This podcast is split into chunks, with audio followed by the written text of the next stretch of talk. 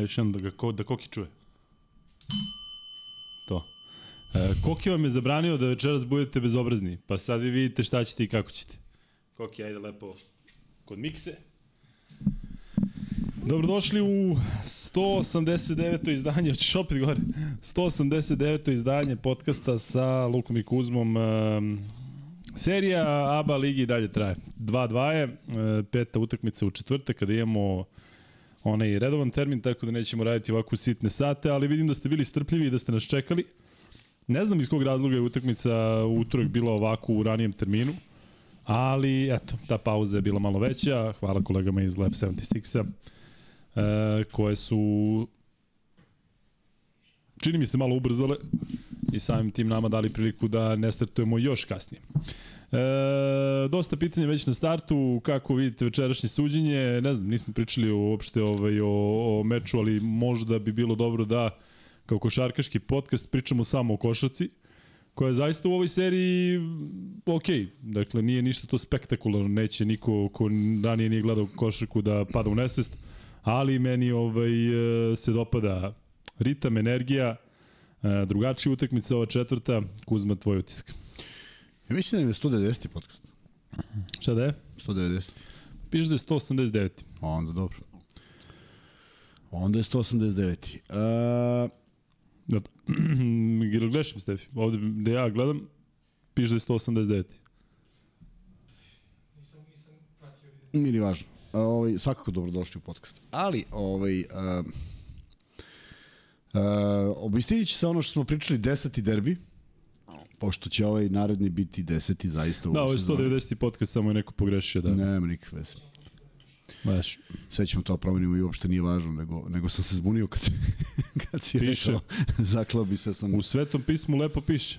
E, tako da eto gledamo petu utakmicu posle jedne utakmice koja je možda i nekako normalna posle svih e, tenzija, umora, e, kratkog roka, e, u, u pauzama utakmica i nešto što što kažeš Luka nije nije da nismo već viđali da jedan ipak e, da oba tima dožive jedan blagi pad.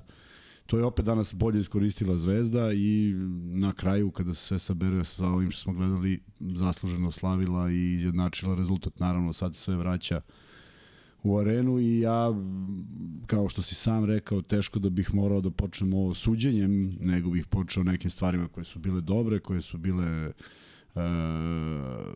koje smo videli na terenu, a suđenje ćemo naravno negde dokačiti, ali ne kao nešto najvažnije, jer nam nikad nije bilo najvažnije, iako iz nekih razloga se to interpretira kao da mi ovde samo pričamo o suđenju, ja neko mislim da nije to baš tako. U svakom slučaju 2-2, jedna odlična atmosfera, mogao bih da konstatujem do onog momenta kada se desilo neko koškanje i kad je upala kad je upao neki upaljač na samom kraju utakmice potpuno besmisleno u jednom najnormalnijem uh, u najnormalnijoj atmosferi, navijačkoj atmosferi i uh, potpuno drugačiji uh, početak utakmice i uopšte ceo tok utakmice u odnosu na ono što smo gledali u utakmici broj 3. Stavi Steph Pool, stavi osoba X Pool, E, da li hoćete da pričamo samo o košarci? Stavi da li ne. Zato što ovde, evo, Vladimir Pantić, koga poštujemo, kaže Kuzma, Luka, molim vas da pričamo samo o košarci i analiza utakmice. Hvala gospodo.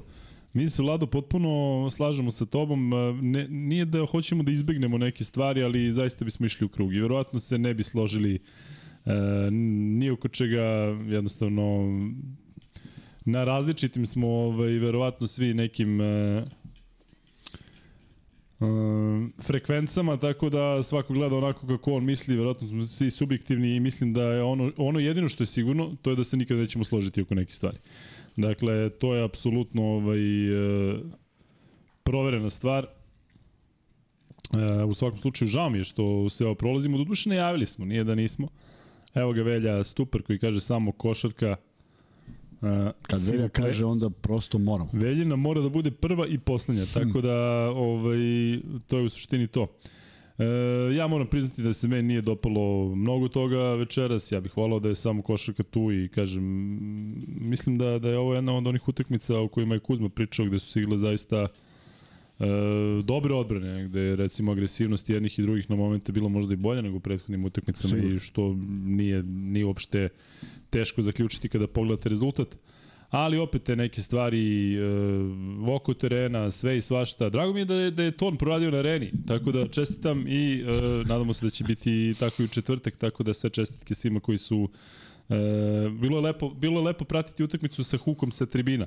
Ne podržavam dosta stvari generalno koje, koje su se čule, ali ovaj, drago mi je da, da su te neke tehničke stvari e, rešene u suštini i mi imamo često problem sa tonom, tako, desi se nekada da ne čujemo jedan drugog ili sve, tako da dobro je da je rešeno i eto, nadam se da će, sigurno sam da će tako biti i, i narednih dana, tako da što se tiče same utakmice, e, ja bih rekao da, da je možda iznunađujuće to što je kod nekih igrača baš bio onako veliki grč, ali e, ono što je sigurno to je da su se desile recimo neke nove stvari, u timu Zvezde, recimo da je, da je Lazarević pogodio onu trojku koja se ispostavila kao ključna, evo ovde Dule e, kaže da je to moment, u, u timu Zvezde smo imali jednog na pa ne mogu da kažem na moment, ali u jednom periodu toliko razigranog Dobrića.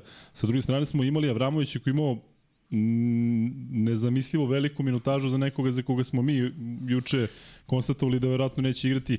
Videli smo Balšu Koprivicu, to su te sve neke nove stvari koje samoj utakmici daju draž. I u normalnim uslovima, u normalnim uslovima, ja mislim da svako ko voli košarku voli da gleda peti meč, da gleda odlučujući meč. Da, da. Dok ovde Samo kod nas kod možda nas... ovaj, e, to donosi neke mislim da će nove pasne. Mislim da će opet, da, uvek donosi, ali mislim da će prevagnuti košarke i da će moći da se priča i o tome. I ja volim da pričam o tome i hteo sam da otvorim baš priču da mi je jako drago što je Vramović bio na parketu i što je doneo tu jednu vrlo bitnu energiju. Nažalost, ne može sad na njega da se računa neograničeno, pa je on tu bio neko ko, za kojeg se verovatno probalo da vidi da, da se vidi da li može i e, činjenica je da je u tom periodu Partizan sasvim pristojno igrao, nije tu bilo nekih loših izbora ili bilo šta, ali naravno posle duge pauze jako teško je da se vratiš i da budeš u svom elementu na utakmici koja je pa, ajde da kažemo odlučujuće, odlučujuće za Partizan ili se produžava ta neka ta neka serija. Moglo je da bude uh, i drugačije. A što se tiče Koprivice, žao mi što, je, što dugo nije igrao pa je ušao baš na ovakvoj utakmici, Jeste. ali ovo je jedno dobro iskustvo da vidi šta i kako uh, nije se snašao i ne verujem da smo da i bilo ko očekivao sad neki, neku, ne, neki neverovatan učinak. A s druge strane, uh, čovjek koji je bio onako, verovatno svima u ustima ovaj, ovih prethodnih dva dana daje tu trojku koja zaista u jednom izuzetno važnom momentu, sa toliko samopouzdanja se digo bez trenutka razmišljanja, ja verujem da je pomislio ko veri nek ide živo, tako je, ako, ako promašim šta da radim, ali eto... Pritom potpuno sam, što je potpuno sam, otežalo od, taj šut. Da, da, da ali, ali idejno, idejno je bio sam. Dakle, niko se samo u smislu, ako ne tako. pogodiš, opet ćeš sa tribina, dakle, njemu tako nije bilo lako, nije, nije, nije oklevao, tako je, zato podigao je. Čast. Mislim da su oni i Marković u tom periodu dali trojke koje su Zvezda iz jedne prilično bezidejne igre u momentima kada je mogla da prelomi utakmicu, a to je moglo u nekoliko navrata, e, ti poeni su jako mnogo značili i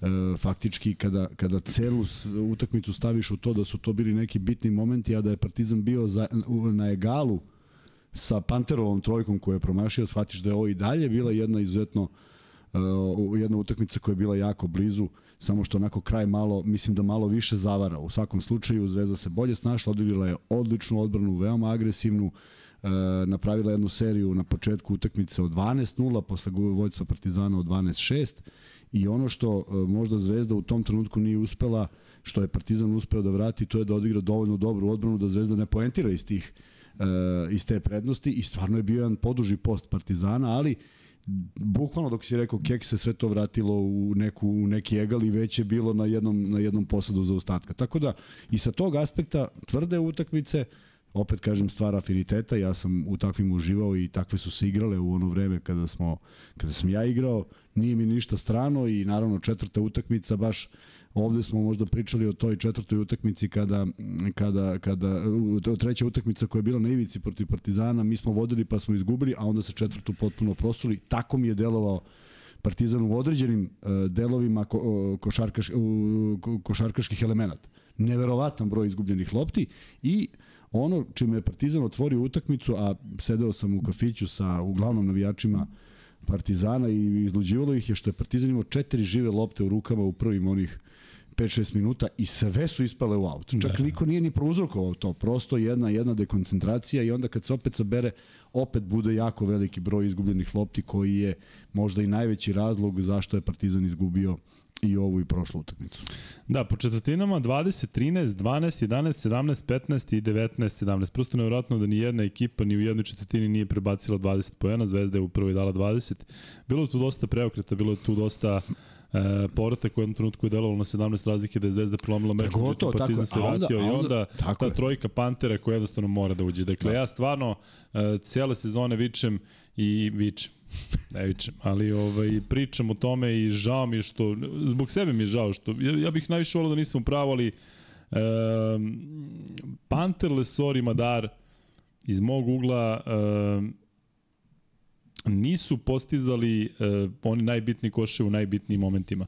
Dakle, kada pogledate kako Lesor odigrao sve bitne utakmice, najbitnije, govorim najbitnije, ne govorim o onoj fantastičnoj seriji. Kad govorimo o Panteru, on je fantastične uh, pogodke promašio, međutim, opet, evo, ja možda sam subjektivan, ali opet tih levih 45 stepeni, ali čak i malo ugao drugačije, ako se sećaš protiv Reala na 16 razlike, E, Panter podiže tu trojku i slične pozicije kada je sam u nekoj četvrtoj, petoj sekundi napada i promašuje i tada Real preokreće. Ovde je drugačija situacija u smislu isti šut, ali šut koji je sa pet mogao da dovede na dva i kažem, e, ne znam kako ti na to gledaš, ali um, imamo dosta primjera da ne mogu da kažem da ti je džaba sve što si dao pre toga, ali taj šut jednostavno mora da se da, puti. Da, govorimo o nečemu, što, slažem se, ali to ide po onako je moralo je, ali mislim prosto uvek ima i šanse da se pogodi, da se ne pogodi. Ali znaš zašto ja mislim da nije pogodio tu?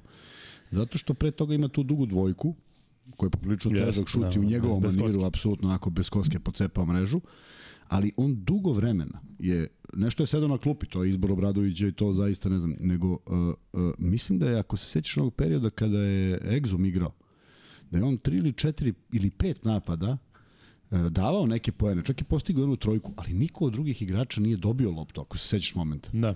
I to, to, to Partizan igra i oni to jako znaju da gaje, pa ovaj u seriji pa ulazi u drugi u seriju. Ali nekako kad nemaš kontakt sa loptom, desi se da malo ispadneš iz nekog ritma, a meni se de, čini da se to Panteru desilo. Jer faktički u tri šuta koje je uputio, dve trojke je promašio i tu jednu dugu dvojku je dao, jel tako? Nije bilo tu još nekih lopti, pa nije on bio u nekoj seriji uh, šuteva uh, beskonačnoj, nego vrlo kratkoj i nije bio možda dovoljno u utakmici, ali zaista je to moglo da prouzrokuje ozbiljne probleme za Zvezdu, da je ta lopta ušla i izašla je iz koša i onda se nekako sve otvorilo e, da Zvezda stekne jednu sigurniju prednost i da održi do kraja.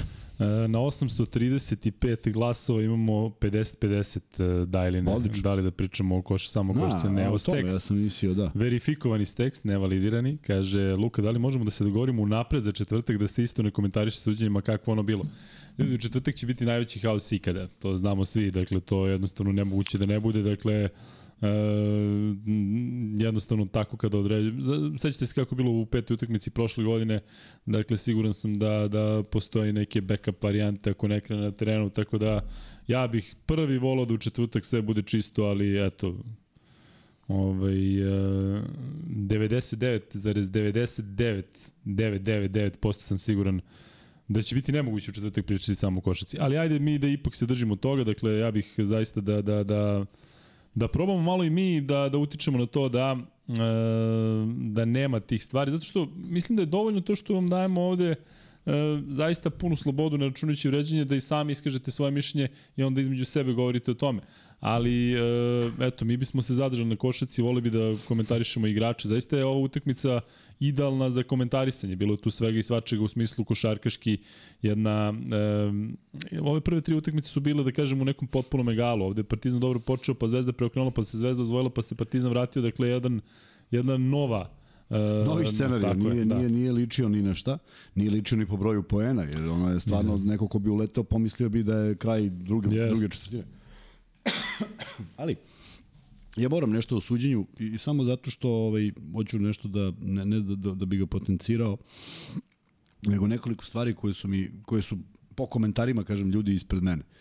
Ovaj, mislim da je, da je faul Lazića dosuđen, onaj nameran faul, da je dosuđen zašto Lazić nije bio na strani lopte. Isto tako mislim da je faul Lesora nije bio nameran zato što je pokušao da čačne loptu baš na strani na koje je Dobrić driblao. Da je prebacio u levu ruku, to bi bio podjednako i nemam dilemu i to ću to tvrdim ne zato što sam gledao snimke bezbroj puta, nego zato što mislim da je tu pravilno dosuđeno. Ali od suđenja ću reći samo još jednu stvar koja mi je onako ostala veoma intrigantna.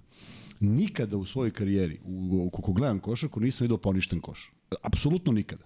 Dakle, ono što se desilo Martin uh, Madar i kontra i da se nešto realizuje, nikad nisam vidio.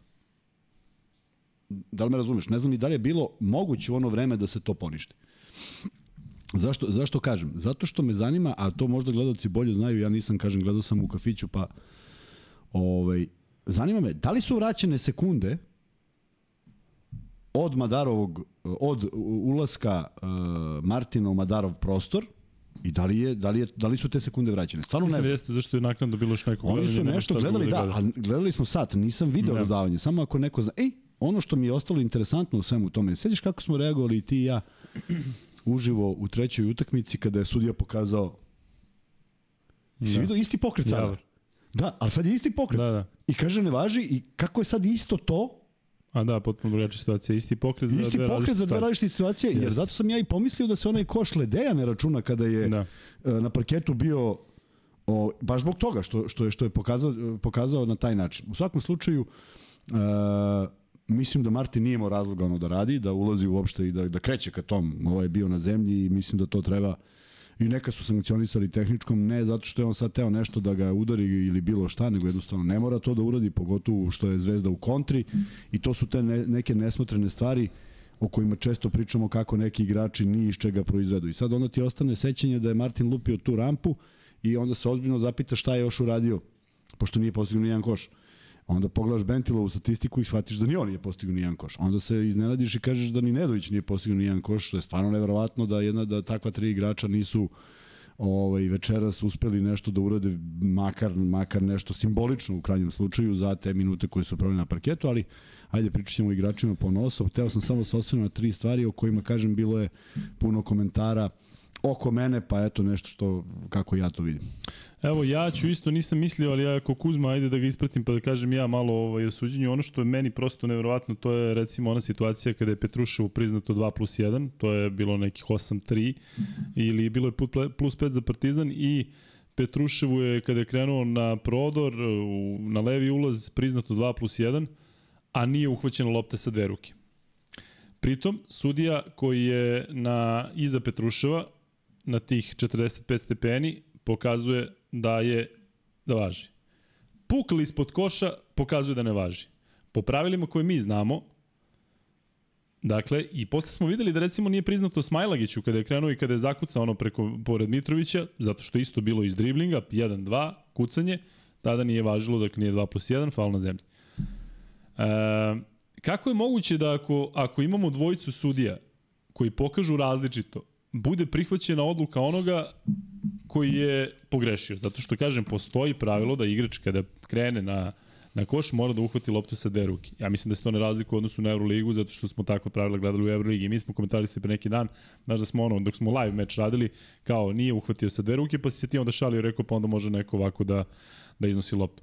Ona druga stvar koja mi nije jasna, da li onaj šut uh, Vildose, onaj dvokorak koji je uhvatio sa, sa, sa svog penala, da li treba da budu šut za tri slobodna bacanja.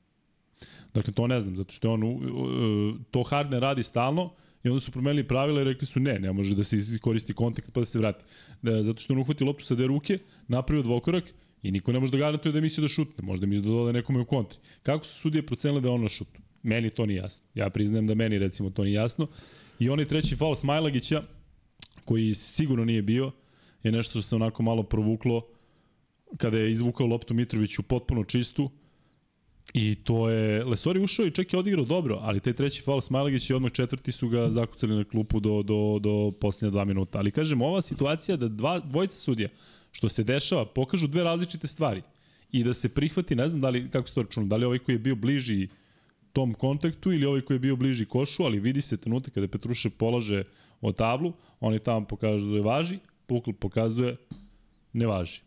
Kako su Tu onda valjda, ide, tu valjda idu dogovor po kome, ko ima prednost tu šta da sudi, ko je po- pozicioniran gde, pretpostavljam. Dakle, ako uvek se onda daje nekome ko je kao imao bolji ugao gledanja, šta god to značilo, ali mislim da tako funkcioniše. Mislim da je Pukl dosudio nešto na drugom delu terena da bi se njegova odluka više vrednovala ako je u poziciji da to bolje vidi. I to jedino tako mogu da objasnim. Ovo, ovo si malo ušao u detaljnije zato što ovaj, mi to sad gledamo na nenormalnim usporenim snimcima, sudije i dalje nemaju usporene snimke.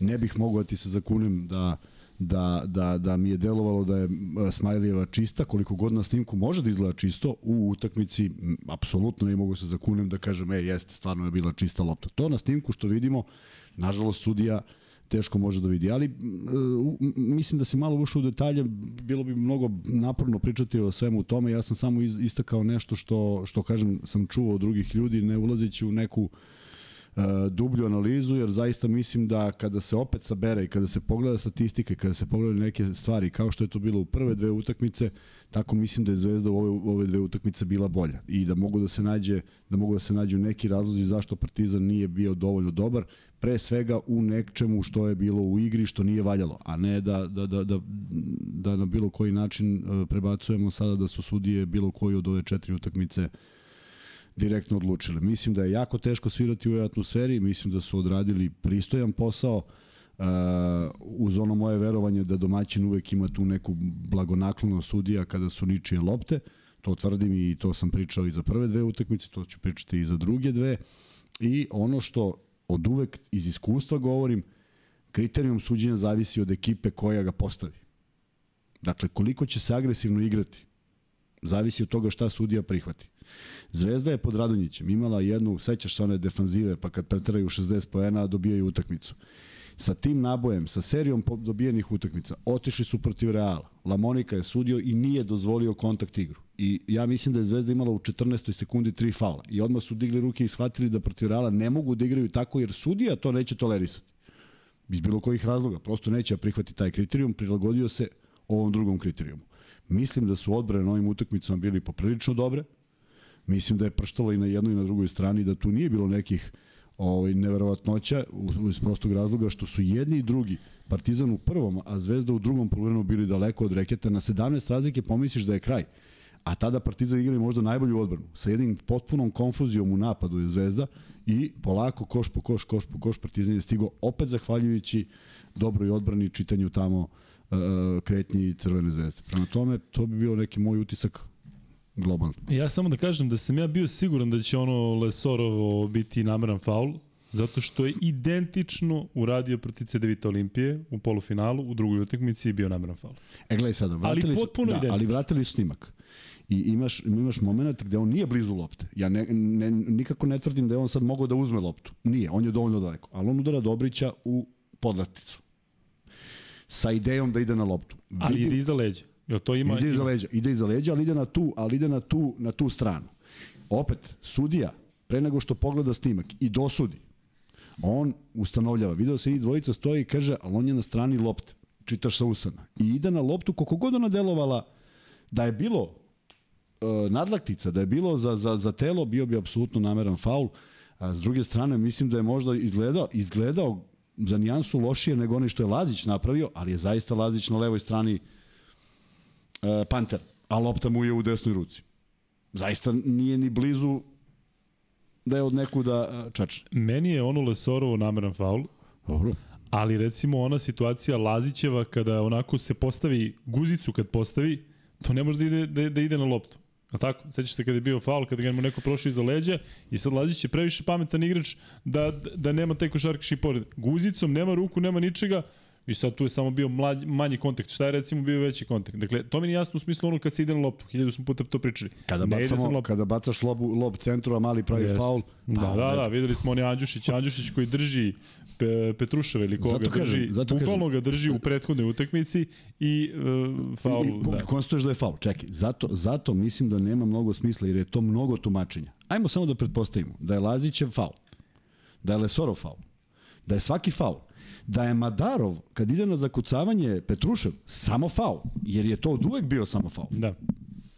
Ne, nego šta ću dozvolim da ti zakucaš? Pa naravno ću to opalim. Opaljivali smo sve živo koje je pokušavao. Ali u, u vreme kad si ti igrao, ono ne bio faul. Ne, on je faul, faul, čist faul. Čist faul, ne bi bio nameran, nameran, faul, tako, tako da. Ti ideš, pa koji je slučajan? Što kažeš kad laziš yes. stane, pa on stvarno slučajno stao, što I kao da nešto upalo na pamet. I da izblokira, da još malo kasnije Petruševa, to se znamo da ne može. Ne može. Dakle, ti imaš potpuno yes. legitimno pravo da one yes. zakuca.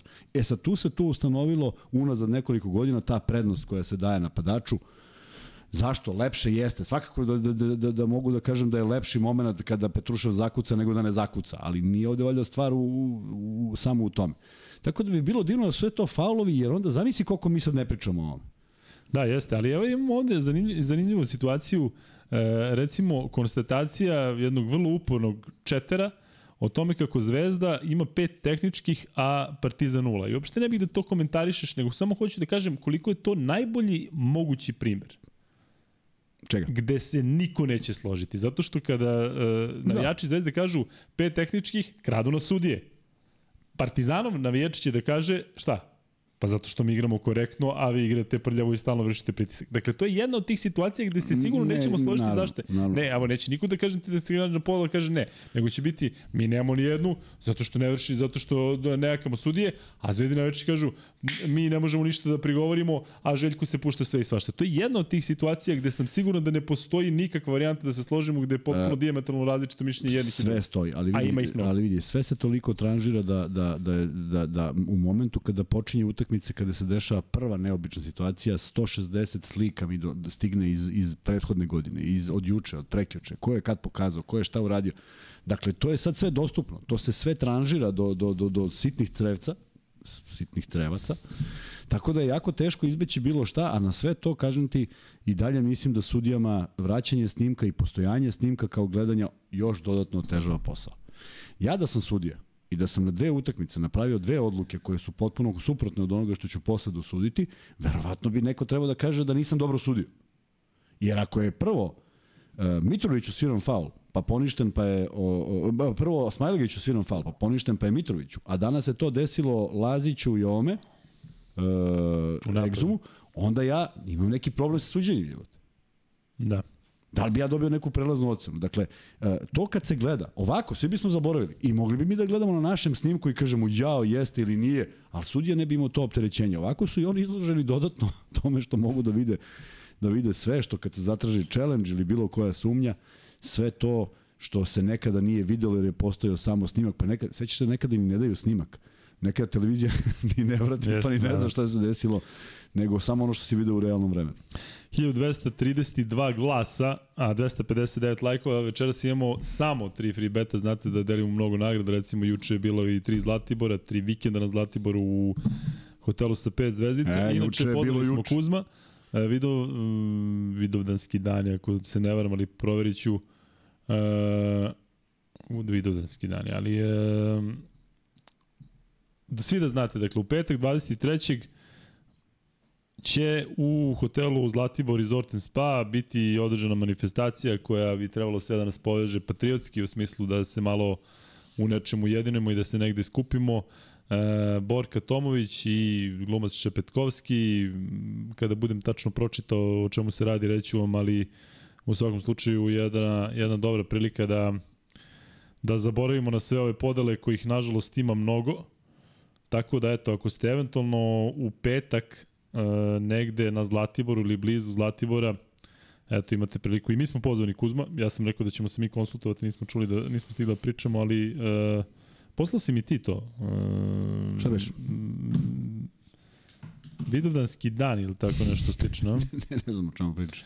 Da, ne, pa ti si mi poslao, ne znam kako, kako bi drugačije. Ako Đoli ili Nemanja gledaju, neka nam pošalju da više ovaj, ne, ne glumimo ovde mentola, da ne znam šta je, ali znam da je Borka Tomović moderator i da će glumac Šepetkovski, zašto govorim glumac Šepetkovski, zato što mu, sam mu zaboravio ime, e, biti ovaj, prisutni u svakom slučaju sve što organizuje što se dole organizuje vredno videti.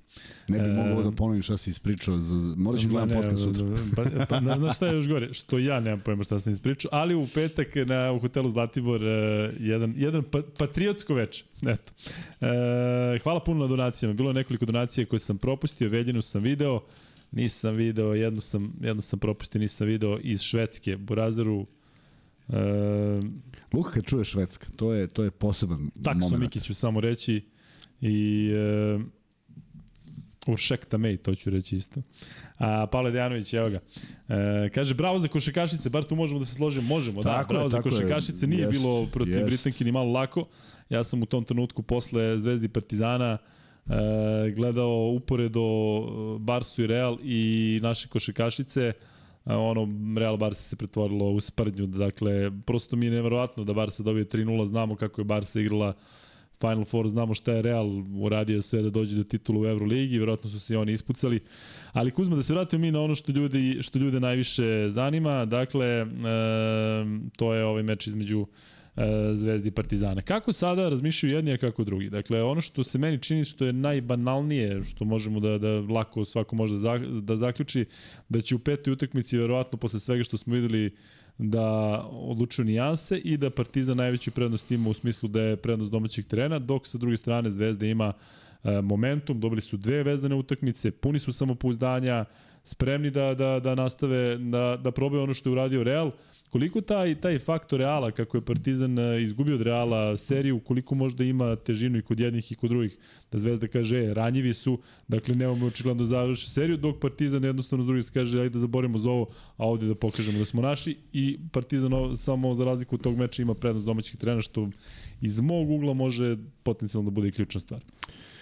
Pa verovatno i jeste to negde najvažniji detalj. Zašto? Zato što kad, kad je Partizan bio na, na, na dve pobede, došao je zaista u jednu situaciju da u toj trećoj utakmici uz prilično dobru igru do nekih 30 i par minuta, 30 kusur minuta, da dođe do, do, do titule. Da. Sada se stvari menjaju. Sada je Zvezda ta koja je, koja je izvukla tu utakmicu, ovu drugu zaista bila bolja u mnogim segmentima u, na ovoj utakmici. U ostalom dobili su sve četiri četvrtine, koliko god teško to izgledalo i koliko, koliko god muke, ali su imali neki neku, nekoliko serija u kojima su uspeli da se odvoje, pa čak jednu veliku prednost od 17 razlike.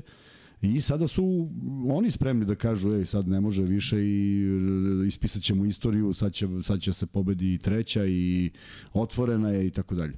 Naravno, naravno da, da uh, mislim da od svega toga najviše, najviše ono što može da utiče je taj neki zamor materijala, koji se malo više vidi u Partizanovoj igri. U kom, I to samo u kom segmentu. Ne u preciznosti, nepreciznosti, ne u nekoj energiji, ne u nekim e, kontaktima, nego u tome što je ogroman broj izgubljenih lopti bio. Zaista ogroman. Dakle, ja ne, verova, ne znam koliko je na kraju, ali, ali to su bile, bili momenti koji te zaista e, poremetete. Koliko je to bilo loših izbora i mislim da je to jedna od ključnih stvari koje Obradović može da zameri igračima, to je upravo taj segment. Naveo sam tih 4-5 lopti koje su im ispale iz ruku u prvoj četvrtini, a onda su se na- poređali igrači, pa čak imamo onu bizarnu situaciju da Kampaco prebacuje iz Okiša u Okiš, a onda to uradi Panter. Da, ono, No, nevjerovatno, znači, znaš, vidiš da, da, da, da je fokus Jeste. pao. Ovo, i tako da, e, to su neke stvari koje su opet, mislim da su odlučile, i, a imaš statistiku ispred sebe možda? Je. Ajde. šta treba? Ajde li izgubljene lopte? Dobro, ajde krenemo zaista od izgubljenih lopti, pa ćemo da komentarišemo jedno po jedno. Izgubljene lopte, 19 Partizan, 14 Zvezda. No, nije toliko strašno, kao prošli Zvezda put. 7 ukradenih, Partizan 5 ukradenih. Opet Zvezda Zvezda samo dve asistencije više u ovoj situaciji, 14 naspram 12.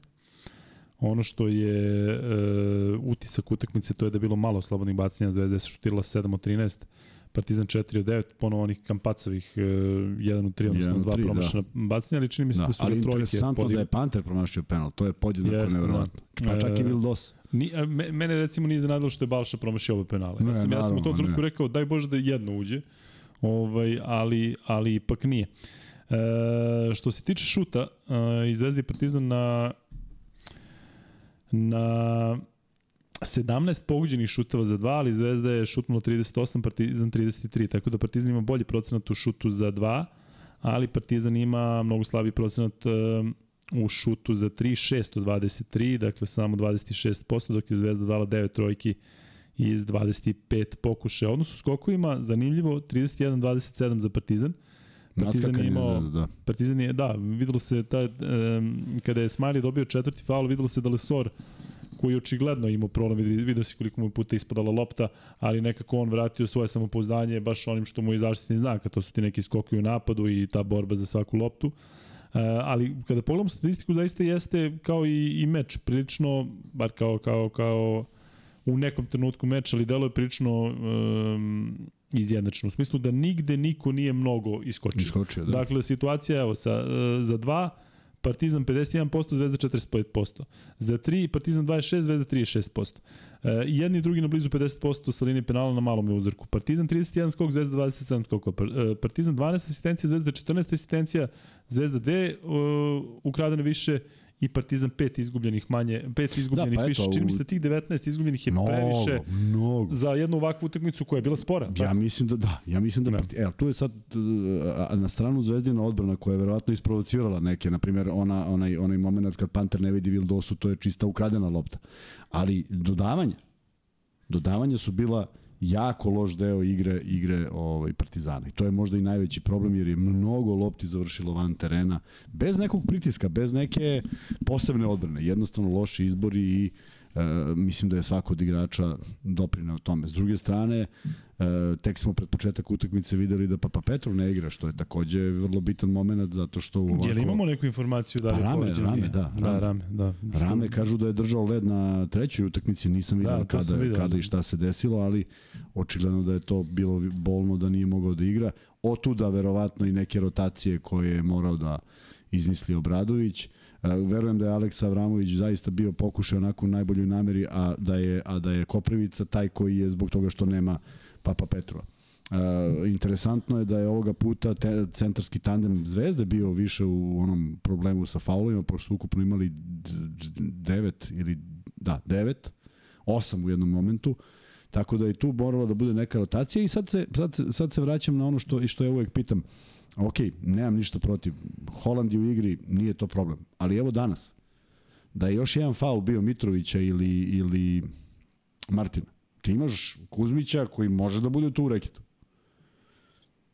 I onda je ušao Lazarević koji je ušao igrao ono svoje uz telo i odlično odigrao taj deo defanzive, nije primio ni jedan poen i još postigao tu trojku i svaka mu čast za taj šut, zaista. Mislim, koliko god je to jedna trojka, uh, Trojka koja menja karijera. Koja menja sve i ja samo verujem da, da više nije na udaru zato što se to dešava, dešavaće se. Moguće Kuzma da tako jedan potez, jedan šut mogu da promene promene uh, sve kod jednog igrača kada govorimo o nekoj mentalnoj barijeri sve Mo, da tako je, tako je, može i može samo da osti jedno dobro, jedno jedno lakšanje da je to sad sve iza njega i da uđe i da igra ono što treba da igra i ništa da više ne razmišlja i da igra što prirodnije, što što jednostavnije ali mislim da je bio pod velikim grčom i ne mogu da zamislim kako mu je bilo kad ulazi. Zaista, ja mislim da se pošteno nadao da ne bude u poziciji uopšte majke pa, ali stvarno dođe čovjek dotle zato što ti je muka od svega, jer, jer ne može da budeš imun.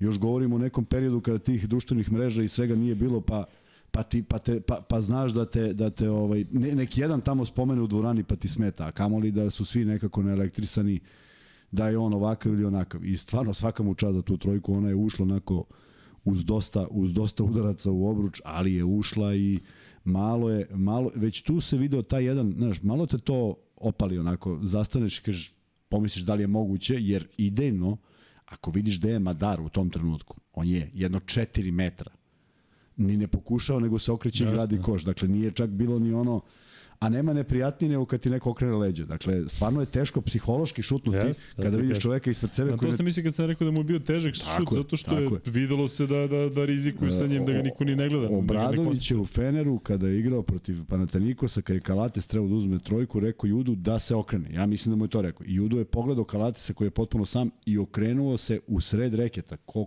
ti, ne možeš, ti ga vidiš, ti ne možeš da ga ne vidiš. Ne vidiš. Shvatiš da on ne trči na tebe, što ti je negde prirodno, što ti je negde osjećaj kako da izbaciš.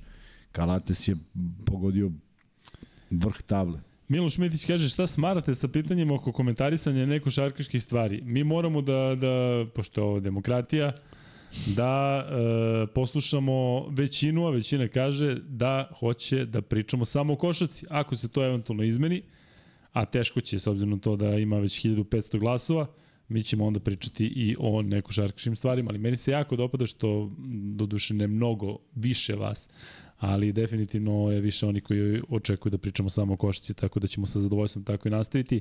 Rekao sam do 500 lajka kada stignemo, cepamo prvi free bet, imat ćemo asocijacije i e, danas će sve asocijacije biti e, u vezi igrača Zvezde ili Partizana, tako da znate. Dakle, evo odmah vam kažem, dakle imat ćemo tri asocijacije, sve tri u vezi aktera, aktera ABA finala, tako da kliknite, odnosno dođemo do 500 lajka i cepamo onda.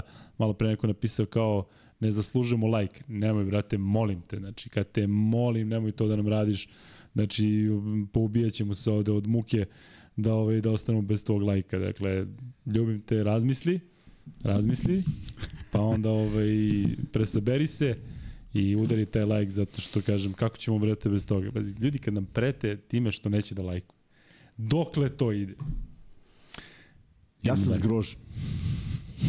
Idemo dalje. E, Kuzma, čekajmo još jednu donaciju. Je da kažem da je to od Ivana Jovanovića. E, Ivan Ivanović koji donira, juče kada je donirao, nastala je potpuna kataklizma. Ali, e, Kuzma, šta, šta su peti mečevi? U peti mečevi koji donose titulu, peti mečevi koji donose Final Four, ti si ih igrao i u jednoj i u drugoj situaciji. Šta? Pa dobro, često pričaš, tako da možda i deluje da, da i više nego što si igrao, ali imaš to iskustvo gde, gde sve stane u jednu utakmicu. Cela sezona, ABA lige stanu u jednu utakmicu. Koji tu, govorimo generalno, ne sada konkretno kod Zvezdi Partizana, ali koji to mogu da budu odlučići faktori?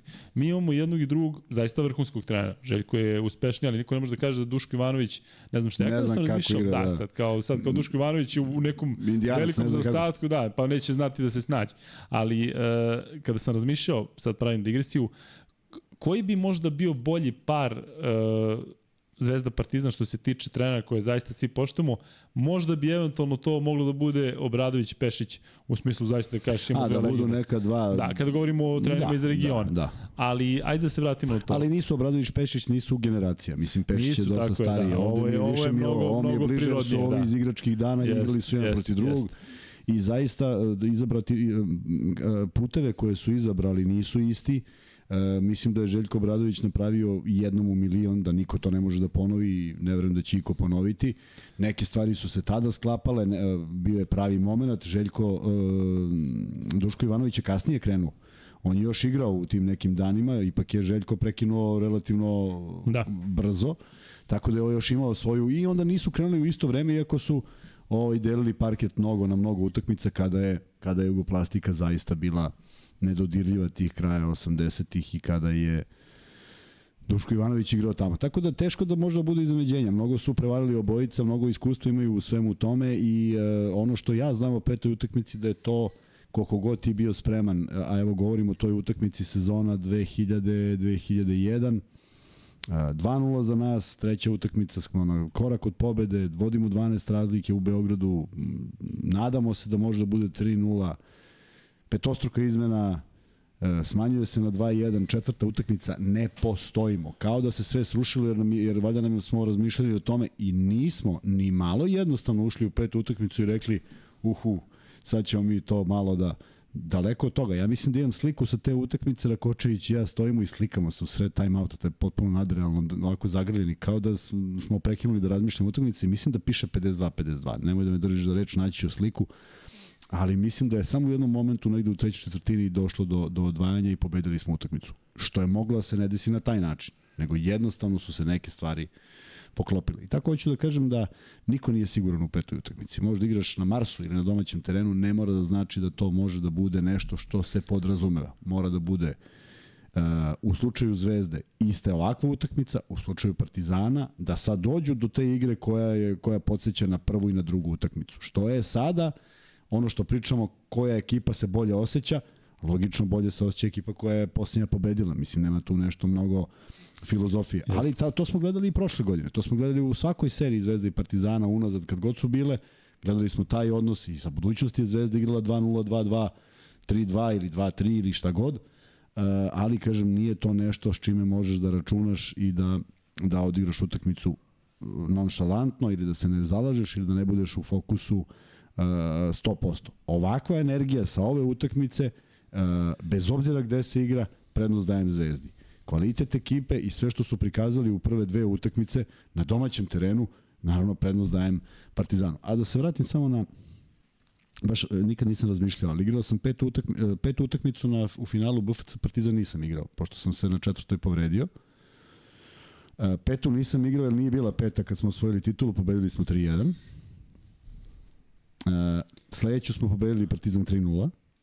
E, onda smo igrali tu petu. Džaba to je ta peta. Pitao. To je ta peta, to je jedna peta. I nisam više imao pet.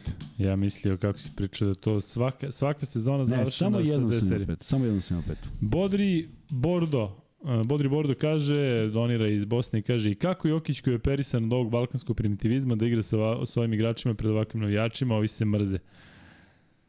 Da, mržnje je možda reč koja najbolje opisuje sve što, što gledamo prethodnih dana, nedelja, pa bih rekao možda i, i godina.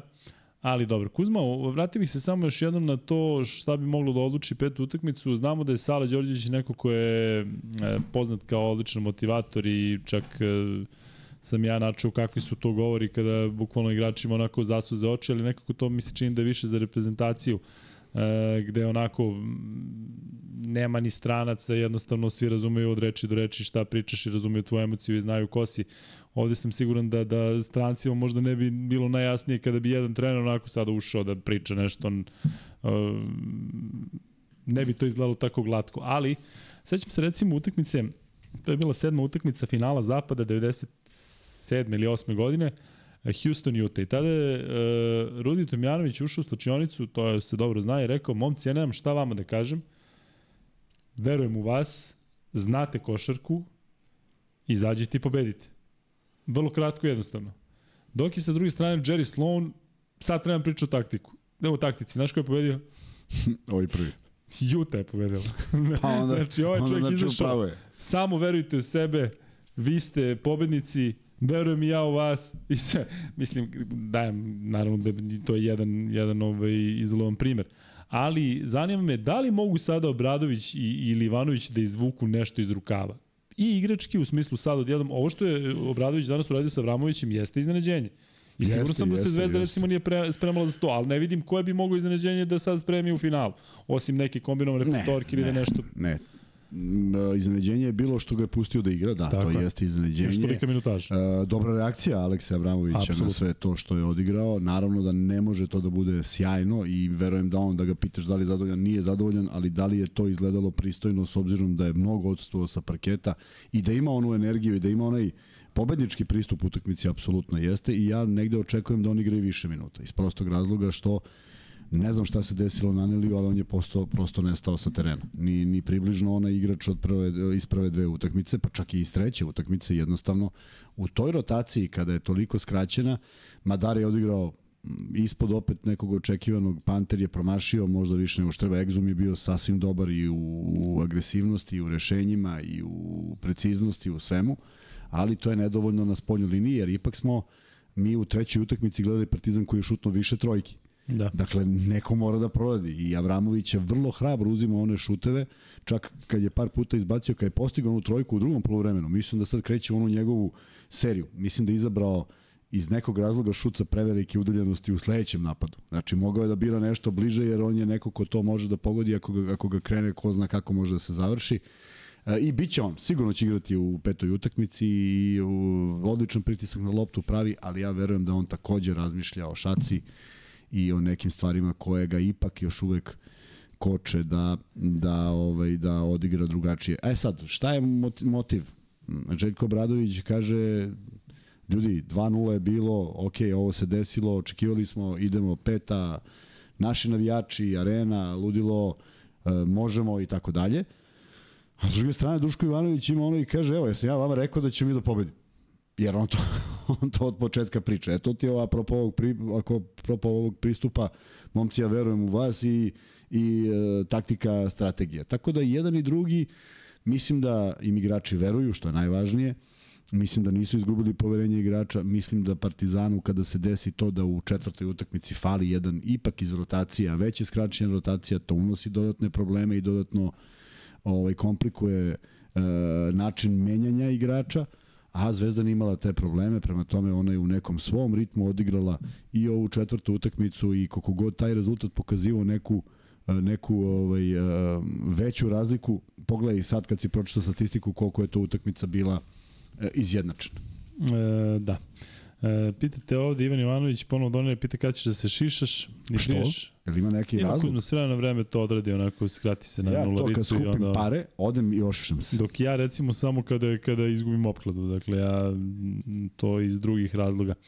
Um, pošto ovde stalno nas pitaju da nam uvaljuju koske, zašto ovo, zašto ono, mislim da krenemo da da polove, pitamo. polove, da, tipa. E, zašto vi da li to mislite da Ledeji namerno faulira i da li mislite da, da ovaj utiče na suđenje, dakle da vidimo da, kako će oni da odreaguju, pa nek se igraju E. sami. Ali šalim se, ali Old School je dao jako dobar predlog za E, za pol, vrlo jednostavan predlog, možemo da ugasimo ovaj koji na 1651 glas kaže da 54% vas ne želi da pričamo o bilo čemu sem košake, tako da poslušat ćemo vas, nema, ovaj, slažemo se. E, hoću da te, da ti kažem, e, šefe, da staviš polo, e, ko je favorit u četvrtak? Ili ko je favorit u petom meču? stavi Partizan kao prvi zato što je domaćin i Zvezda kao drugi. I onda ćemo posle toga da imamo pol koga ima više i garantujem ti da će da bude apsolutno isto. E, ti znaš možda iz onog sleka da izvučeš ove naše zapise, ne, a? Teško. Teško, da. E, Poslao je Boža, žao mi je što ne možemo da, mnogo je kasno da bismo se sad angažovali, svi spavaju. A, Boža nam je poslao izjave i igračica i, i, i Marinine i njegovu Jedno da, da pustimo ovako A- iz telefona i da držimo i da se čuje. Ne, ali vidjet ćemo da, vidjet ćemo da ubacimo, da ubacimo naknadno u, u emisiju. To ćemo moći. To, to, to ćemo sigurno moći. Da, ne znam, ne znam ko i kada, ali... Ne, ne, pustit ćemo, pa sutra ćemo pustiti u onome što inače pravimo, tako da ćemo Da. sigurno objaviti. Žao mi je jer, jer nemamo uslove za to, a Boža uvek po završetku utakmice odmah je otrčao i napravio snimak i sa devojkama i sa i svoje ono javljanje, tako da ne bi želeo da propadne, ali sad stvarno trenutno nisu mogućnosti da se time pozabavimo, svi spavaju, pustio sam poruku i vidim da niko nije, niko nije budan. E, Lazar Komazec kaže, e, da li imate utisak da Bent ili Martin jedva čekaju da se serija što pre završi da idu na odmor? Burazeru, svi smo mi e, Bent ili Martin, dakle, mislim da ne postoji neko ko bi u fazonu bio daj da ovo traje do avgusta, da odgledamo još 13 mečeva, dakle, ono što sam definitivno ubeđen, svi žele pobedu svog tima i žele šampionsku titulu, ali da neko kaže u što bi bilo dobro da se igra na četiri meča, to ovaj, sam siguran da nije. Ali, um, ajde mi da pređemo na igrače, Uh, kažem, fali nam još malo do 500 lajka, pa ćemo onda imati prvu asocijaciju, već imamo spremnu. Uh, Kuzma, krenut ćemo od igrača Zvezde. Holand je odigrao, šta misliš koliko? Boga mi ne mogu da se uopšte da, iza, da, da, da, da izračunam. Pojavio se u kadru i odigrao u završnici jedne četvrtine. Znaš koliko? Ne. 5 sekundi. Tako da bi Stvarno? se zadržao na njemu. Stvarno se pojavio? 5 sekundi da odigrao neku odbranu je tamo odjednom kosicao na njegove ovaj, U kojoj četvrtini? drugoj. Ovaj, Lazarević. Pa tu je nastao preokret. da, da, to je, to je, to je bio taj faktor iznenađenja koji je šokirao navijače i pokrenuo ih. E, Kuzma, ajde prvo Vildosa, 20 minuta, 8 poena, 2 od 3 za 2, 1 od 1 za 3. E, jako malo šuteva na veliku minutažu Vildose. Ali mi se 2 nije- od 3 za 2, 0 od 2 za 3, 4 od 5 sa penala, 4 skoka, 2 asistencije, ukradene i izgubljene. Nije mi se ne dopalo kako igrao. Unio Da, da, da. da. tu dobru energiju i bio agresivan u odbrani. ukra... Ti se nije dopalo zato što ti ne voliš kao on divlja, a, a Da, da, večeras da, nije da, divljao. Nije bilo, bilo je sasvim u redu. E, prosto e, uvek me, uvek me nekako e, fascinira brzina kojom se stušti u reket i dva puta na dve utakmice ne ubacuje loptu u koš nego Lesor skida. Jesi vratio pažnju. Znači, neverovatni prodori, ali lopta ne završava u koš. I onda Tako da, iz publike. da, Da, svi- svi- da, da. da, da, da, i niko, niko kao, kao, ovo ne važi. Ovo nije u redu. Ali piš zašto ne važi? Pa zato što te ne treba. Da, zašto je mi za želimo bude koš. Da. E, tako da e, nije nije pravio nikakve gafove, nije bio u nekoj svojoj žutoj minuti, mislim da je sasvim dobro sarađivao sa kim god je bio na parketu i to što je 8 poena i sa malim brojem šuteva je meni sasvim okej. Ali kažem, nije ispadao iz odbrane, nije nigde je napravio neku neku takvu grešku. Koliko si rekao, četiri skoka i dve asistencije? Tako je. Pa, sasvim dovoljno sa par ukradenih koje je imao onako jedno pristojno izdanje u, u, u kada se sabere sve dovoljno dovoljno dobar učinak za ovo što je Zvezda uradila. I mali je broj poena bio, znaš, sad Jeste. 8 na ovaj broj poena i nije nešto toliko loše. Ajde da se nadovežemo na Kampaca, on je dao 21 poen u jednoj ovakvoj utakmici, to je praktično, Nije izgledalo da će E, tako biti. trećina poena. Da, nije tako izgledalo da će biti. A nije ni izgledalo da je šutno 11 trojki. Meni nije izgledalo da je šutno 11 trojki, da li 11 trojki? 11 trojki. Ne znam gde, možda opet nešto u posljednjoj Pa sekundi. vidi, mu se šutno je ono jednu preko celog, to se sećam. Jeste, da. I šta misliš kakav je odnos e, faulova kod Kampaca, koliko je napravio, koliko je napravljeno na njim? Napravio dva ili tri. Nije napravio ni jedan. Nijedan nije napravio. Nijedan. Pa zašto da, zna da igra odbranu? E, mislim da sudije štiti Kampaca. Jeste, ti štiti ga sutra. Pa šta je misliš koliko je na njim napravljeno? 11. Ne, nemoj, nemoj da pretvorim. 22. 7. 7. Uh, ali uh, Kampacovih 4 od 7 za 2 čini mi se da je vratio sigurnost, pogodio jako bitne trojke. Na svaku trojku videli smo njegovu reakciju Jest, što jest, dodatno podiže jest, energiju sa tribina. Jeste. Slobodno bacanje neobjašnjivo, na prethodnoj utakmici 4 od 8, sada 1 od 3. 1 od 3, 4 od 8, 1 od 3. Neko mi je napisao. Mm, šta li se tu dešava? Koliko je to? 2 od 6 i 4 od 8, 6 od De- de- 14. Dva puta 4 od 8. Ne, ne, 4 od 8 je na drugoj utakmici. Dobro. A ne, ne, ne znam, da, ne znam ko je, kako je bilo na drugoj. Uh, 1, 3, 4, 8, 1, 3. ali četiri asistencije, četiri skoka, četiri izgubljene, sve u znaku broja. Pazi ovo, molim to brati pažnju. Više Brate, danas do 4 sam. Samo mu slušaj. 44,4% šutra. 4 od 7 za 2. 4 od 11 za 3. 36,4% trojka.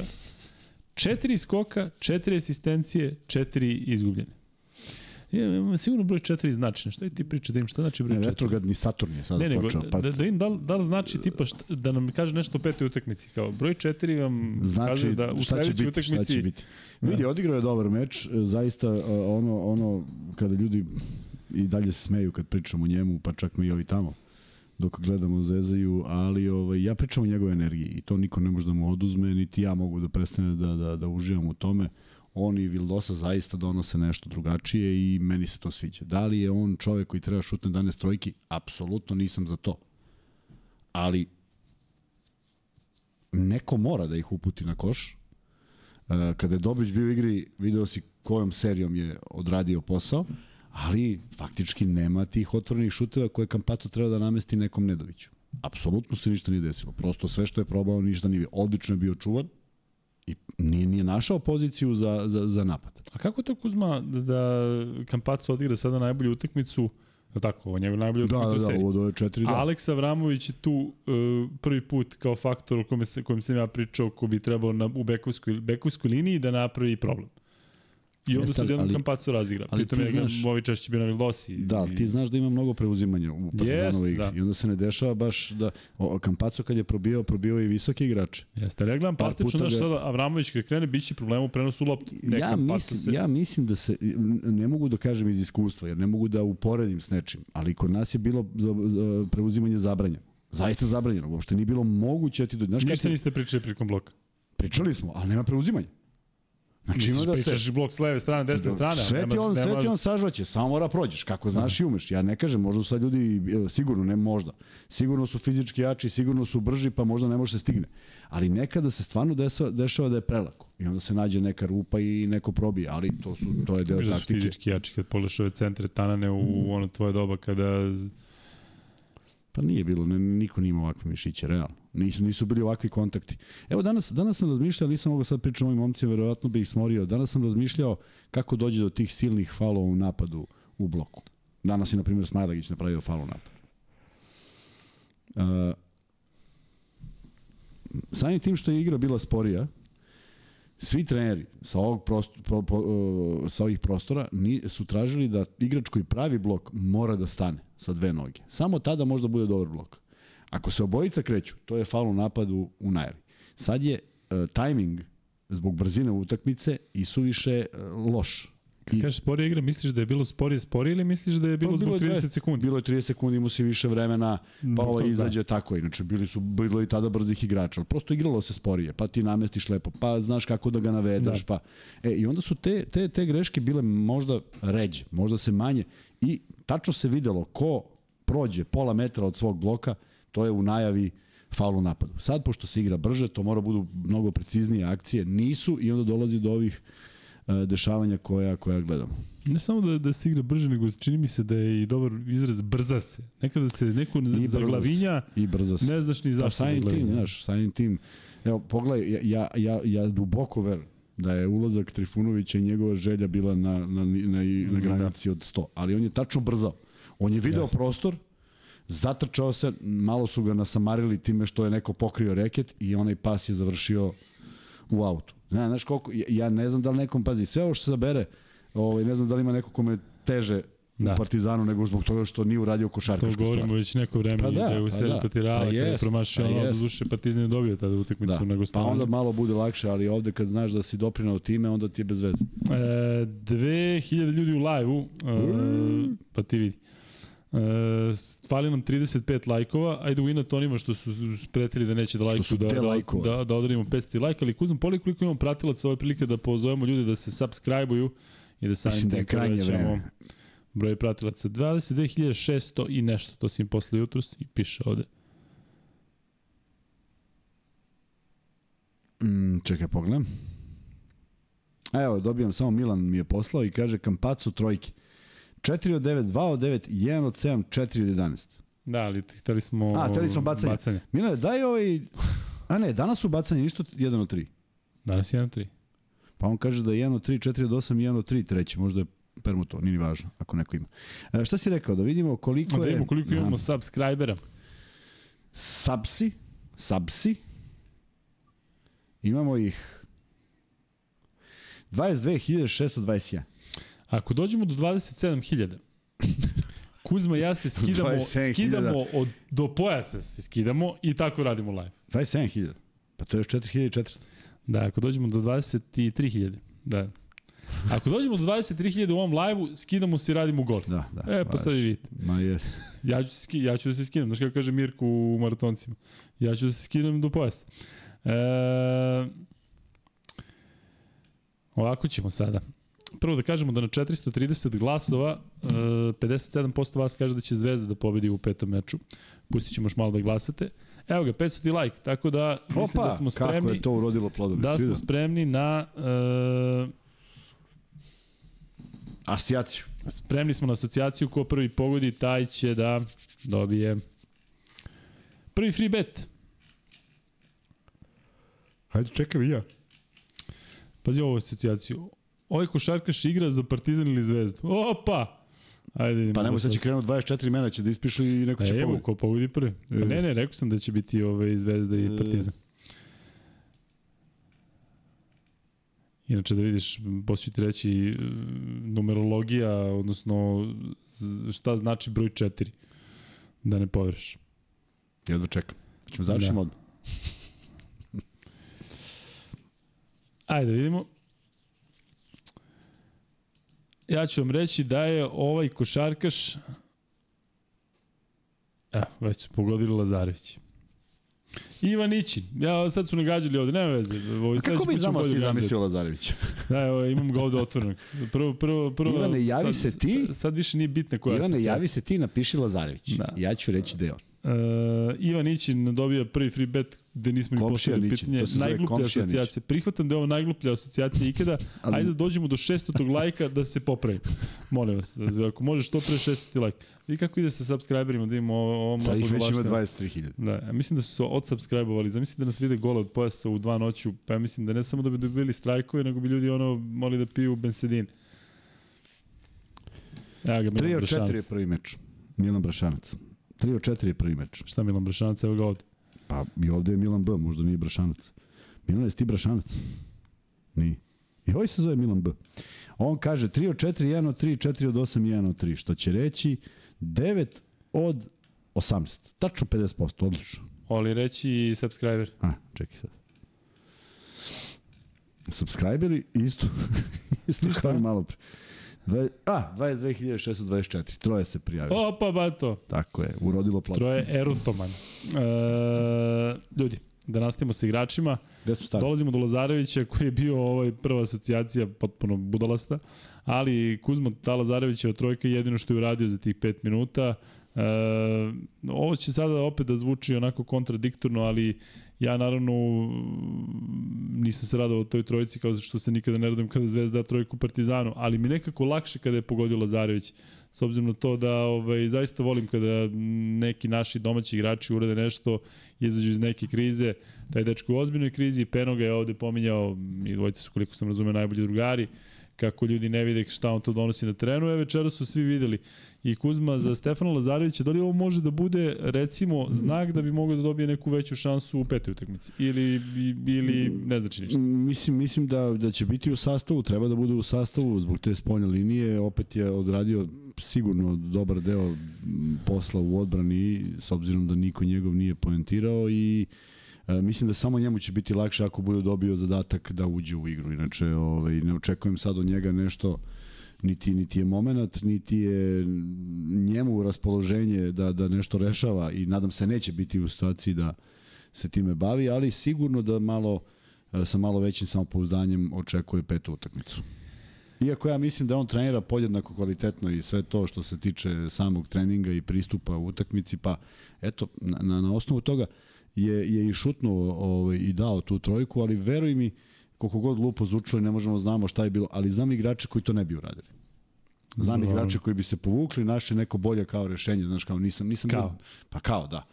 Pa otrču tamo, znaš, doda pa otrči u blok, a ono jedan čovjek ih čuva, znaš. Da, mislim da je on ovo čekao dugo i da je končno dočekao da uradi, da uradi nešto. Sutra. Ne, da je čekao moment kada će da dobije ovacije sa tribina, zato što ove to sezone jest, to jest, nije. Tako jest, da otvorilo mu se sada kada je Zvezdi bilo I zaista preko potrebno. Zaista jer je bio pravi moment. Hvala Stefane e, na donaciji, donaciji Lazarić. iz Amerike, Ko? Stefan Japunčić. e, da. E, Luka Mitrović, Kuzma, možda malo manja minutaža nego što smo očekivali, e, pa, 15 minuta, 5 poena. Da. Uh, on je napravio četiri faula, a uh, 2 od 4 ima za 2, 1 od 2 za 3, po 3 skoke i odbrani u napadu i on je drugi skakač ekipe iza Dobrića. Dobro, dakle, vrlo jednostavno, zbog tih faulova malo, je, tako malo, je, malo manje, ali uvek mi, je, uvek mi je važno kad je on u igri, mislim da donosi tu neku, tu neku sigurnost, vrlo redko ispada i ne zaboravi one skokove čime u prvom poluvremenu čime je namučio i Lesora i Smajlija napravio faulove nad njim. Znaš, ono, jedan skok pa drugi. E, da, slobodna bacanja nisu nešto što mu je sada ono 100% 100% precizan, ali napor, trud i ta energija koju donosi i ona onaj osjećaj pripadnosti i želje da da Zvezda triumfuje ipak nešto što njega krasi godina. Bojane, da znaš da bih mogao. Eto, sad ću da ti... Skineš, da... skineš majicu. Ne, nego ovde odgovaramo nešto prijatno. Kuzma, Branko Lazić. E, sad ćemo da imamo šta kažete za njega. Malo igrao. 18 minuta. Dosta igrao. On Bez... ima više napravljenih faulova nego sve ostalo ukupno u statistici. Dakle, četiri faula, jedna šutnuta trojka, jedan skok, jedan primljen faul i minus 3 indeks. Ali Ali ja mislim da ali pa ja mislim da u tom periodu niko od spoljne linije nije što šutirao koga je on čuvao. Tako mi deluje da i Naneli i, i, i Panter nisu baš bili u tom svom najboljem ritmu. Uh, Tako Nisu da, definitivno vidjet ćemo posle Što se mene tiče, sasvim okej. Okay. Uh, Hasan Martin, Kuzma Hasan malo, Martin ima... Malo, mora uh, više, to mora više. Ali pazi, on ima recimo plus 6, Zvezda, Zvezda sa njim na terenu ima plus 16. Ja ne znam kako, zato što on ima 1 od 4 za 2, dao je ta 2 poena. Ima plus 16 jer je bio u momentu kada je Zvezda napravila 17 razlike. Pa da, ali nije, mora da doprinese nekako. E, onda je de doprineo. Onda je imao one dva konfuzna napada korake i prosto misterija je. E, A, lupio je rampu i nalazi se na završnici utakmice kada se Zvezda odvaja na 13 razlike, tako da tu se sve Znaš skupilo. kako si mi uzeo reči yes, usta. Lupio, ali usta. to je, jedino, to je jedino čega se sećam da je bilo dobro. Jer mu tad tehničko mu je bilo i peti faul, tako posle tako toga je bilo tako je, tako je, pa. Tako je. E, Kuzma, e, mora bolje, mora Dorbić. više. Mora, ali dobro, zaboravi se kada, kada više. ekipa dobije E, Ognjen Dobrić 14 poena, e, sa njim ekipa imala plus 31 i to prosto nevjerojatno kako recimo minus 14 je bilo sa Nedovićem na terenu, a plus 31 sa Dobrićem. E, Kuzma Dobrić kada bi igrao onako kako je igrao u onom periodu... Plus Dobrić. Da. Fantastično. Ne indeks, nego plus 31 Zvezda s njim na terenu. Da, da. Indeks 18, isto koliko i Kampac. Da, da, nego je neverovatno. To znači da je sve vreme Zvezda pravila tu razliku do maksimuma kad je on bio. Videli smo da Dobrić može da igra i to je zaista onako da kažem neka dobra, jako dobra serija, ali smo videli njegovu sigurnost. Odakle tako samopouzdanje i on kada bi tako mogli da igra cele sezone bi Zvezda bila pa na to jeste for. pitanje. Veće je pitanje gde on bio tri utakmice, zašto nije na ovom nivou. Pa ja ga ne pamtim da je ovako, da je onako igrao sigurno. Dakle, trojka cap, pa ulaz cap, pa dodavanje, pa, da jednostavno nosi znaš sve. Znaš kako, on je prvu loptu šutnu i dao trojku. Onda je druga bila, sačuje me Bože, znaš da je pogodio ćošk, ćošak. Vesi klim. Ćošak desnog dela obruča da se da, spaja jest. s tablom. Pomisliš šta će da padne, e onda od tog momenta dolazi to nešto što je stvarno pogađao i onaj lepi desni ulaz što mu nije svojstveno, tako je digao iznad obruča. Faktički jedina lopta koja izašla iz koša je bila onaj, onaj uh, prodor isto sa desne strane, pa je neko uhvatio i uspeo da ili iznudi faul ili vrati loptu u koš, ne mogu da setim šta je bilo, ali nije izgubljena lopta. Seti se sad, kako ne može. Do tog momenta i trojke, i dvojke, i prodori, i levi onaj, e, kako se zove, onaj floter i ono zakucavanje, zaista neko ko je doneo ozbiljnu, ozbiljnu energiju i odvojio se, Zvezda se tada i odvojila taj po, po prvi put, ali kako je on izašao i kako su neke stvari stale i kako je Partizan pojačao odbranu i pročitao te kretnje zvezde, tako odjednom bilo jedno četiri bezidejna napada, a Partizan ih je sve realizovao. E, igrač, sledeći igrač o kojem ćemo pričati je Nemanja Nedović. Ono što ja mislim da je najveći uspeh Zvezde danas to je što su dobili bez bilo kakvog učinka Nedovića. Dakle, on ne igrao 14 minuta, Tako nije je. dao ni jedan jedini poen. Imao je do duše tri asistencije, međutim Nedović, ne, Nedović, ne, ne, ne, Nedović nula poena, Mitrović 5 poena, Vildosa 8 poena. Ne, Mitro, pazi sad, uh, Bentil, Martin, Nedović. Sabro. 7. Ne, nije bilo teško sabrati. Bentil i Martin po 2, Nedović 3. Čega bre? Ne, Be, Bentil i Martin 2, Nedović 0, da, 4 pojena ukupno. Pa to kažem. Da, da. Trojica, 4 pojena. Ne, gledam ovu trojku Lazarevića, ona mi stoji da, sve vreme da, da, tu, da, dakle, to ne, sjaje nije, ovako. Nije, nije dao koš, da. Tako da ovaj, to svakako se e, ima prostora da to bude bolje i Nedović kao neko ko je ipak uh, preuzeo stvari u svoje ruke u trećoj utakmici. Ja nemam Jest. sumnju da on to želeo i danas. Bio je odlično čuvan, pa mora se nađe put do koša. Mislim, već, već se iznervirao kada je promašio onaj zicer koji je bio uh, više u košu nego što ne znam koliko je, koliko je lako promašiti ono, ali prosto neke stvari nisu išle, a onda iz delovalo mi iz neke nemoći šutnu onaj onaj šut za tri koji nije nije Nije išao ka košu uopšte. e, Marković, ona trojka, jako bitna trojka. Jeste, imao je dve, dva, dva promašaja za tri, Jest. ako se ja dobro sećam. Jedan on je bio dakle. neki... Ali taj bitan i uvek ono njegovo zalaganje u odbrani, nemam problem. Da Marković. se zadržimo kuzom malo kod Petruševa, zato što je on uh, košarkaš koji je danas imao najveću minutažu. Da li te možda to iznenadilo? On je igrao 30 minuta, dao 10 poena, ali imao i on uh, ono zakucavanje na početku. E, kasnije imam pitanje, sad imam pitanje, imao dva zakucavanja, li tako? Jest. Kako je moguće da u prethodnoj utakmici u onom primanju lopte ispod koša nije zakucao? To je ono što ne možeš. Imali su treneri običaj da, da ovaj, kažu nije to pa sad pripadalo baš seriji uh, finalnoj, jer ne možeš da razlikuješ utakmice, ali imali su običaj da kažu ne može da se motivišeš kad ti hoćeš i za dobre utakmice koje si ti izabrao. Moraš uvijek da igraš isto. I sad, ako si video u onom momentu kad on primi loptu, dovoljno je da dodirne pod i da zakuca, kako je moguće da u onom momentu kada su upali oni uh, ovaj Ledej nije to isto uradio. Tako da eto jedno jedno naručenije, ako izvuku povuke mnogo uh, fokusiraniji danas, mnogo opasniji po koš, naročito u prvom delu, ali i dalje mislim da ima prostor i da i dalje mora da bude bolji. E, I Bentil je dao dva pojena za 12 minuta. Bentil kad je ono na fintu šuta nikoga kad je fintirao, jesi vidio? Na trojici pa finta pa malo mu bilo neprijatno pošto ne zna koga je fintirao i onda naskoči na dva. Koje maš čoveče? Sebi. I onda naskoči na dva i, i bambara. Nevjerovatno kakav, kakav promašaj, ali uh, sve kad se sabere, uh, svi oni su imali ipak uh, dovoljno fokusirani su bili za jednu dobru odbranu i mislim da je odbrana bila zaista na dobrom nivou jer Partizan je dosta uh, s polja igrao, tražio prostor, nisu to bili ni malo laki šutevi, a nekako smo navikli da ipak na tome baziraju igru i opet nije bilo velike unutrašnje igre Partizana, naročito onog momenta kad je Smajli ušao u problem sa faulovima i Lesor koji ipak ne igra onu prepoznatljivu igru ispod koša gde on razgrće i poentira lagano. E, fali nam još 40 lajkova da dođemo do 600. i imamo novu asocijaciju. Umeđu vremenu da kažem da u polu, ko je favorit u petom meču finala, e, 56% kaže Crvena zvezda, na 717 glasova 44% Partizana. I baš da vidimo da li je taj isti odnos, da li svi ovi samo kažu za svoj klub, da će ovo da stavimo Stefi, da ugasimo ovaj pol i stavimo onaj standardni za koga navijate. Partizan Zvezda neko treći, moram da uvucimo neko treći, ali čini mi se da će Zvezdaša opet biti više što i logično, s obzirom na to da je Zvezda dobila ovu utakmicu. Kako stojimo sa subscriberima, će da bude skidačine ili neće? Neće. Šta bi mogli da ih natramo ovde, obećamo sve i svašta i onda 22.998 gasi brzo, brzo, brzo. To je, to je ideja. Šta, ne, nema ništa. 22.629, još pet je došlo. mrka kap. Ovaj, e, Da, i da kažem još jednom da će i sledeća asocijacija biti neko od igrača Crvene zvezde i Partizana, dakle jedan igrač će biti iz ova dva kluba. E, ajdemo ovako, da pređemo na igrače Partizana i da počnemo sa Kuzma s kim? Sa Tristanom Vukčevićem, koji nije igrao. E, Tristan sa onim američkim potezom, mislim da, da je zapečatio sebi e, priču u smislu da ne bi ušao, mislim, na 30 sekunde. Možda to čak i neka vrsta ovaj, reakcije, ali ne znam zašto je onda u timu, zašto je u 12. Ne znam šta bih ti rekao.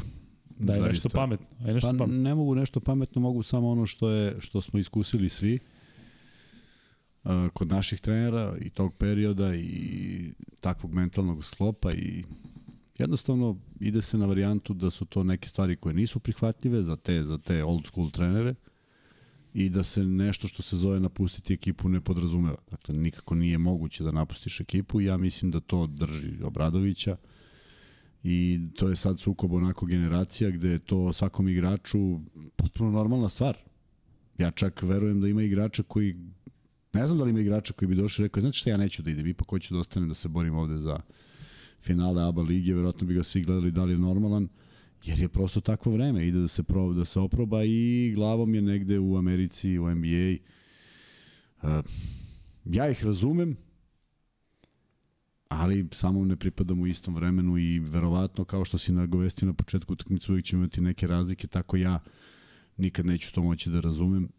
A mislim, ali ga prihvatam, prihvatam da postoji i, i tu smo svi živimo sa, sa tim i gledamo epilog kakav jeste. Da li mi je drago? Nije, zato što mislim da je ovo mogla da bude sezona u koja, u koja ovaj, u kojoj će napredovati u svakom smislu, a nekako mi deluje da ipak e, će ovo biti propuštena sezona kada se sve sabere. Ili imamo pol, Stef? Parti, za koga navijate? Partizan, Zvezda, neko treći.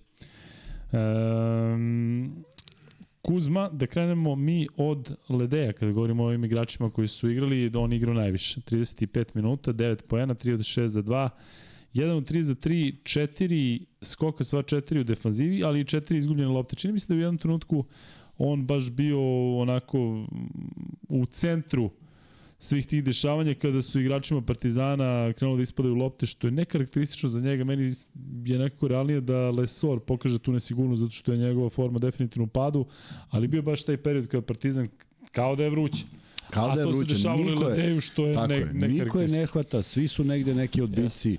neverovatno. Onda ima jedan sudar Ledej i Naneli, E, stvarno, prosto nisu to bile toliko dobre ove situacije za Zvezdu i ti šutevi koji su uzeti prosto lopte koje pripadaju Partizanu po poziciji igrača, ali doslovce četiri ili pet lopti je izašlo iz, iz, iz ruku i to je veliki kapital kada pogledaš da, da, da iz toga nisu imali faktički ni, ni pokušaj napada, nego se sve dešavalo u jako kratkom periodu u, toj, u tom prvom polovremenu, čak mislim da je u prvoj četvrtini. U svakom slučaju neobično su bili a, moguće nervozni, možda umorni, možda šta god, ali to su elementi košarkaški koji, kako bih ti rekao, ne treba da se nešto pretrano uči. Prosto zgrabiš loptu i to je to posle skoka.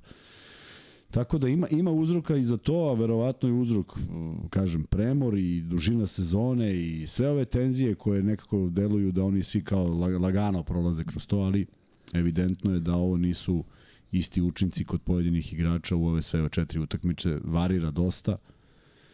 i vidjet ćemo kako će biti, koliko mogu da se spreme za samo jedan dan i za tu petu. Aleksinih 20 minuta na parketu, jednako iznenađujući kao i 10 poena, oni sećate se ubacio u prvu trojku, ima Aleksa 2 od 5 i za 2 i za 3, dve asistencije, Kuzma, da li možemo da očekujemo Aleksu u još veće minutaže Da, ja mislim da da, ja mislim da će da će ako ako se nametne i ako bude racionalno trošio lopte, a mislim da je ovde danas bilo sve, sem one jedne kad je ušao u ćošak u drugom poluvremenu, Jeste, da. pa mislim da je tu jedino jeste baš baš sam sebe ubacio Da. u lošu poziciju. Koliko racionalno bude trošio i mislim da ima svu slobodu i mislim da mu je Obradović i rekao da to treba da radi i video s kojom lakoćom se diže, ne razmišlja, iako je to u pitanju povreda šuterske ruke, ne znam koliko je mogao vremenski da trenira u, u, u punom kapacitetu, možda to i dalje boli, otkud znam, ali svakako negde podsvesno on ima da, da, da, da, da dok šutira mora da razmišlja šta i kako, kad prodija blok mora da razmišlja i najviše mrzim, znaš koliko sam se nervirao kad je on se oporavio od one prethodne povrede i kad padne na utakmici. Zaista, Da, da, jeste, ej, mogu samo zamisliti šta glavno. prođe, šta prođe kroz glavu. Kad bi recimo isekao neko, samo taj deo kad si rekao, znaš šta najviše mrzim kad se on oporavio i tu se sećam. da, pa ne, ne, o, izvuče, i da. kada se. Ima tih koji će izvući to. Da, i da samo, samo to čeka. E, Kuzma posle Vramović pričamo o Balši Koprivici koji igrao dva minuta, promašio dva slobodna bacanja, ali ajde da ne pričamo o Balši, nema šta da mnogo da se priča, da te iznenadilo to što je Željko u trećoj četvrtini na toj dvocifrenoj razlici protivnika, ne mogu da kažem istekao belu zastavu, ali koja je bila poenta da ubaciš u petorku Balšu, Andjušića, e, igrače koji, ko je to bio, Madar, dakle, zaista oni koji igraju manje, je to možda neki način da, da Da li to nekad može da pokrene ekipu ili ima veze sa ovima da odmaraš pa, ili da možda zavaraš veze, protivnika? Ima, ima, ne, ne, ne zavaravaš nikog. Imaš, imaš samo fore da, da odmoriš ovaj, malo igrače. I sa idejom, kao što je Papa Petru ušao u drugoj ili u trećoj, faul. Ideš na faul, ideš da popuniš bonus. Ja, ja, čak, sam, ja čak mislim da je bio kontakt Balše i Martina na onom polaganju jer mu se ovaj ušunju iza leđa, a direktiva je sigurno bila ne sme da koš. Znači uopšte nije važno šta ćeš da uradiš, samo ne sme da koš, pa se ovaj ušunio pa ga još i dao. Tako da tu je stvarno da izdržiš u defanzivi, da malo odbiješ napade, da kad Zvezda krene i potroši 20 sekundi ti napraviš faul, pa oni onda ponovo potroše još tih 14, pa možda još eventualno 14 i za to vreme je prošlo nekih minut i po dva pa se neko odmorio. Tako da to je jedina zamisao i verujem da je morao samim tim što nije imao Papa Petro u sastavu.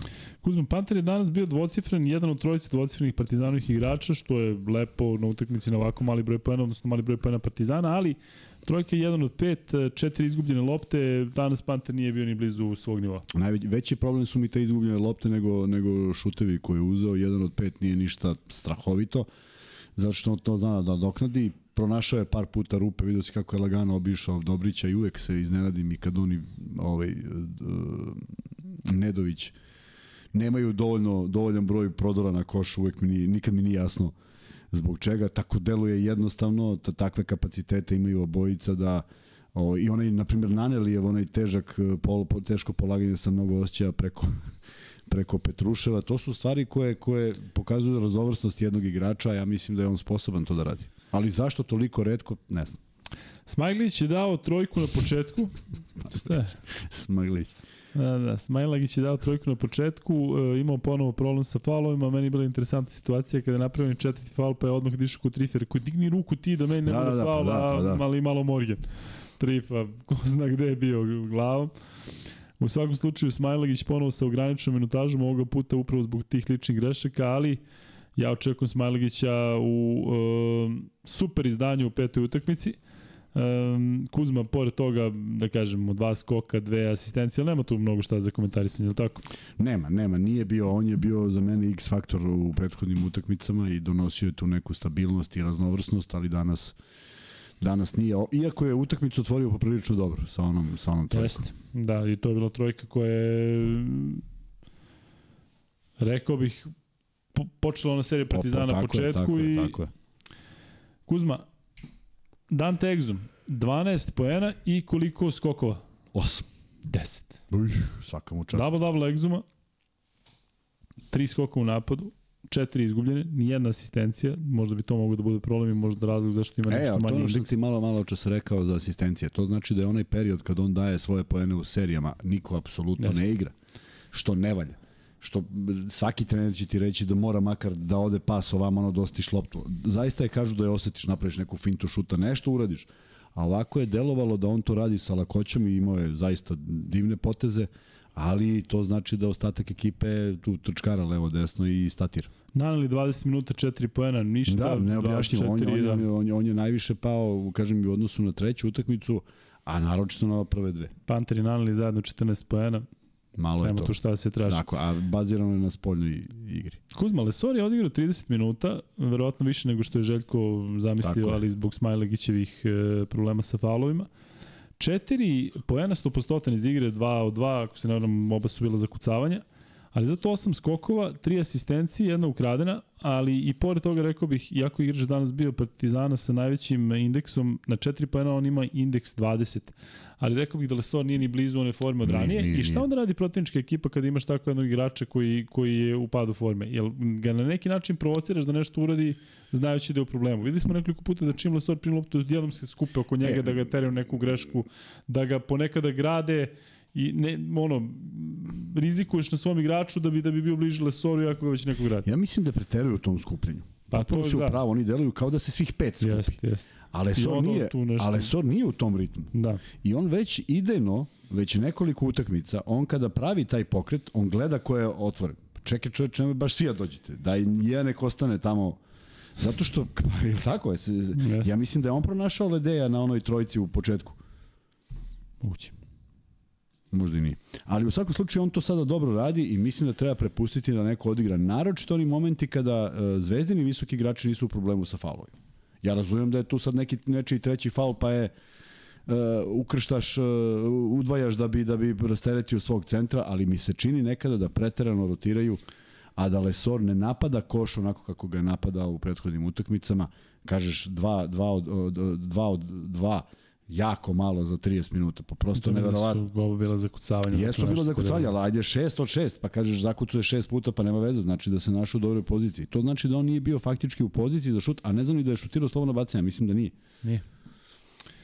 E,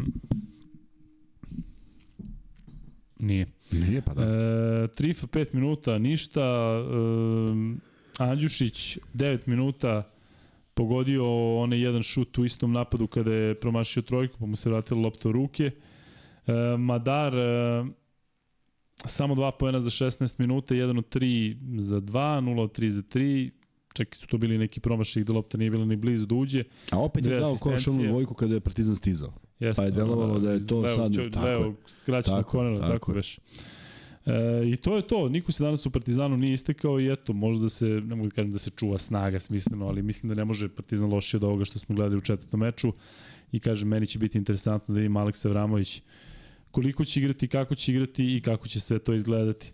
E, trenutno na polu od 420 glasova, mnogo više zvezdaša, sa 66% naspram 30 partizanovaca, neko treći standardnih 4 do 5%, ovoga puta 4%. E, Kuzma, prošli smo sve igrače jednog i drugog tima i evo ga 600 like, tako da ćemo mi da e, ispucamo i drugi free bet. Dakle, koji e, košarkaš e, koji je večeras igrao je igrao za tri različite srednje škole. Ko prvi odgovori, dobija drugi Max Beta free bet. Kuzma, ti znaš? Pff, nisam ni čuo što si rekao. Čućeš. Darko C. Balša Koprivica, rešeno. Otišao je drugi free bet, kada dođemo do Šta radiš s ovim? Ja preuzimam asocijacije. Ma ne, ti preuzimaš je pogađate iz prvog, nego ima, ima da se zamislite. pesma električnog orgazma, pa onda ti kažeš 1988, ovde si nije tačno kuzam 76, pa daj objašnjenje. Nemoj ljubim te. Nemoj više ono small des, da Sad ću ja, boldness. sad ću ja. Dobro, evo Kuzma sprema, do, do, baš da vidimo, do, udarite like, samo da vidimo šta je Kuzma spremio, što pre da ga dovedemo u tu situaciju neprijatno. On kaže sad ću ja. E, Kuzma, to je to što se tiče igrača. E, neće biti sigurno lako suditi petu utakmicu, stalno pominjamo sudije, ali ja mislim da oni koji, koji pročitaju svoje ime i koji znaju da su izabrani, vjerojatno se to i zna, da će biti fazonu, brate, sam i ovo treba u životu. E, Partizan je domaćin u areni, utakmica se igra u četvrtak od 20 časova. Kuzma, e, kakav je naš apel ljudima za tu utakmicu? Ne ljudima, samo će biti navijači Partizana, pa će biti da se obraćamo njima, ali šta želimo da vidimo, e, kakva ideja i kakvu utakmicu očekaš? Ja želim da vidim ono što smo videli danas. Ne ono što smo videli čud, prekjuče. Baš čud.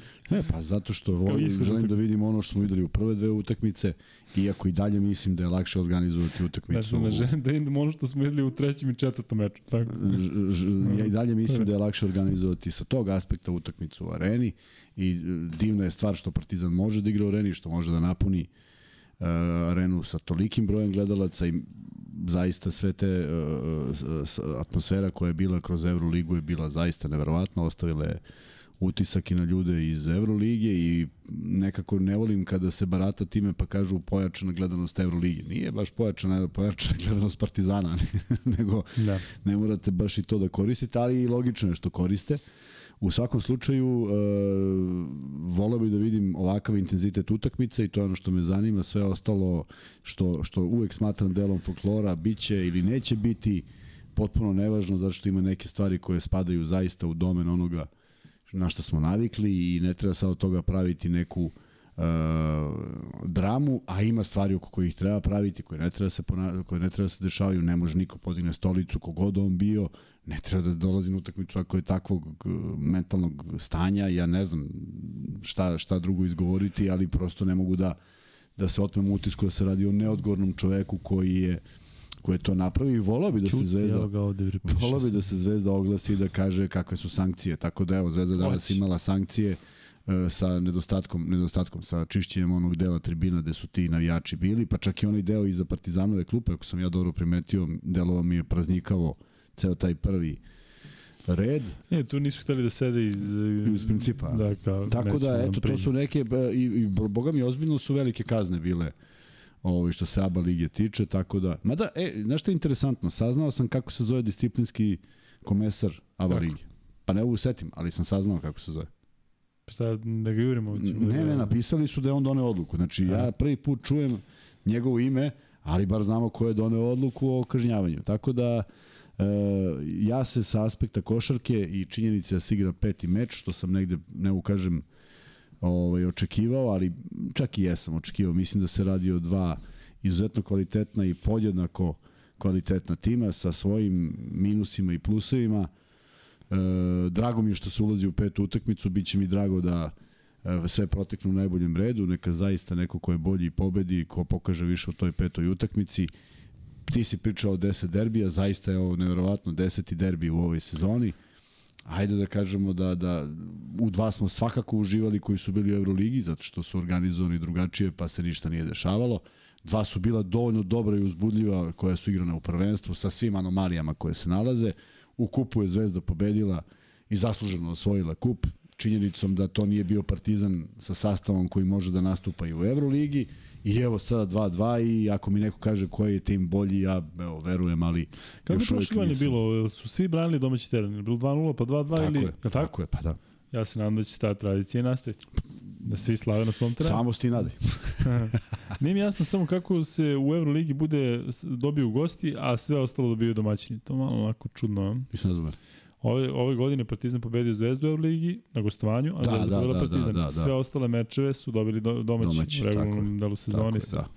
Možda tu ne znam, vidjet ćemo, ali u svakom slučaju pričao si ko ih vodi i tu nekog iznenađenja nema, bit će spremni, igrači će biti spremni, ko će imati, ko će praviti manje grešaka i naravno, juče smo pričali o Kampacu, e se slažeš da smo pričali o njemu, da smo ga spomenuli da li može ovakve tri utakmice, konstatovali smo da ne može, Ja mislim da Naneli mora bolje i sigurno može bolje i da će to verovatno pred publikom e, pred kojim je naviku da igra više i da, da pruži. Treba biti oprezan jedni, jedni za, za ove igrače koji su danas podbacili, drugi za protivničke igrače, ali kažem dovoljno talenta da nikoga ne treba otpisivati i reći nema više ništa od toga, jednostavno vrlo lako se sve to okrene i dobije se inspiracija i ja ne verujem da možemo gledamo Nedovića, na primjer, u ovom izdanju, isto kao što ne verujem da možemo gledamo Nanelija u ovom izdanju od večeras. Ne znam što uopšte ćemo da radimo te peti meč kada znamo da će Naneli imati šut za pobedu. Da li će ga dati ili ne, ja mislim da svi treba da se uključimo u 39 i 30 Kako misliš da li će ga dati ili ne, pa to je najvažnije. Pa da, to, to jedino treba da gledamo. Dakle, okupimo se četvrtak, kako utakmicu 8 negde oko 5 do 10 i gledamo da li Naneli pogađa šut za pobedu. Ovde se, a, ovde se secne u petak, molim te, ovaj, kada, kada pogodi.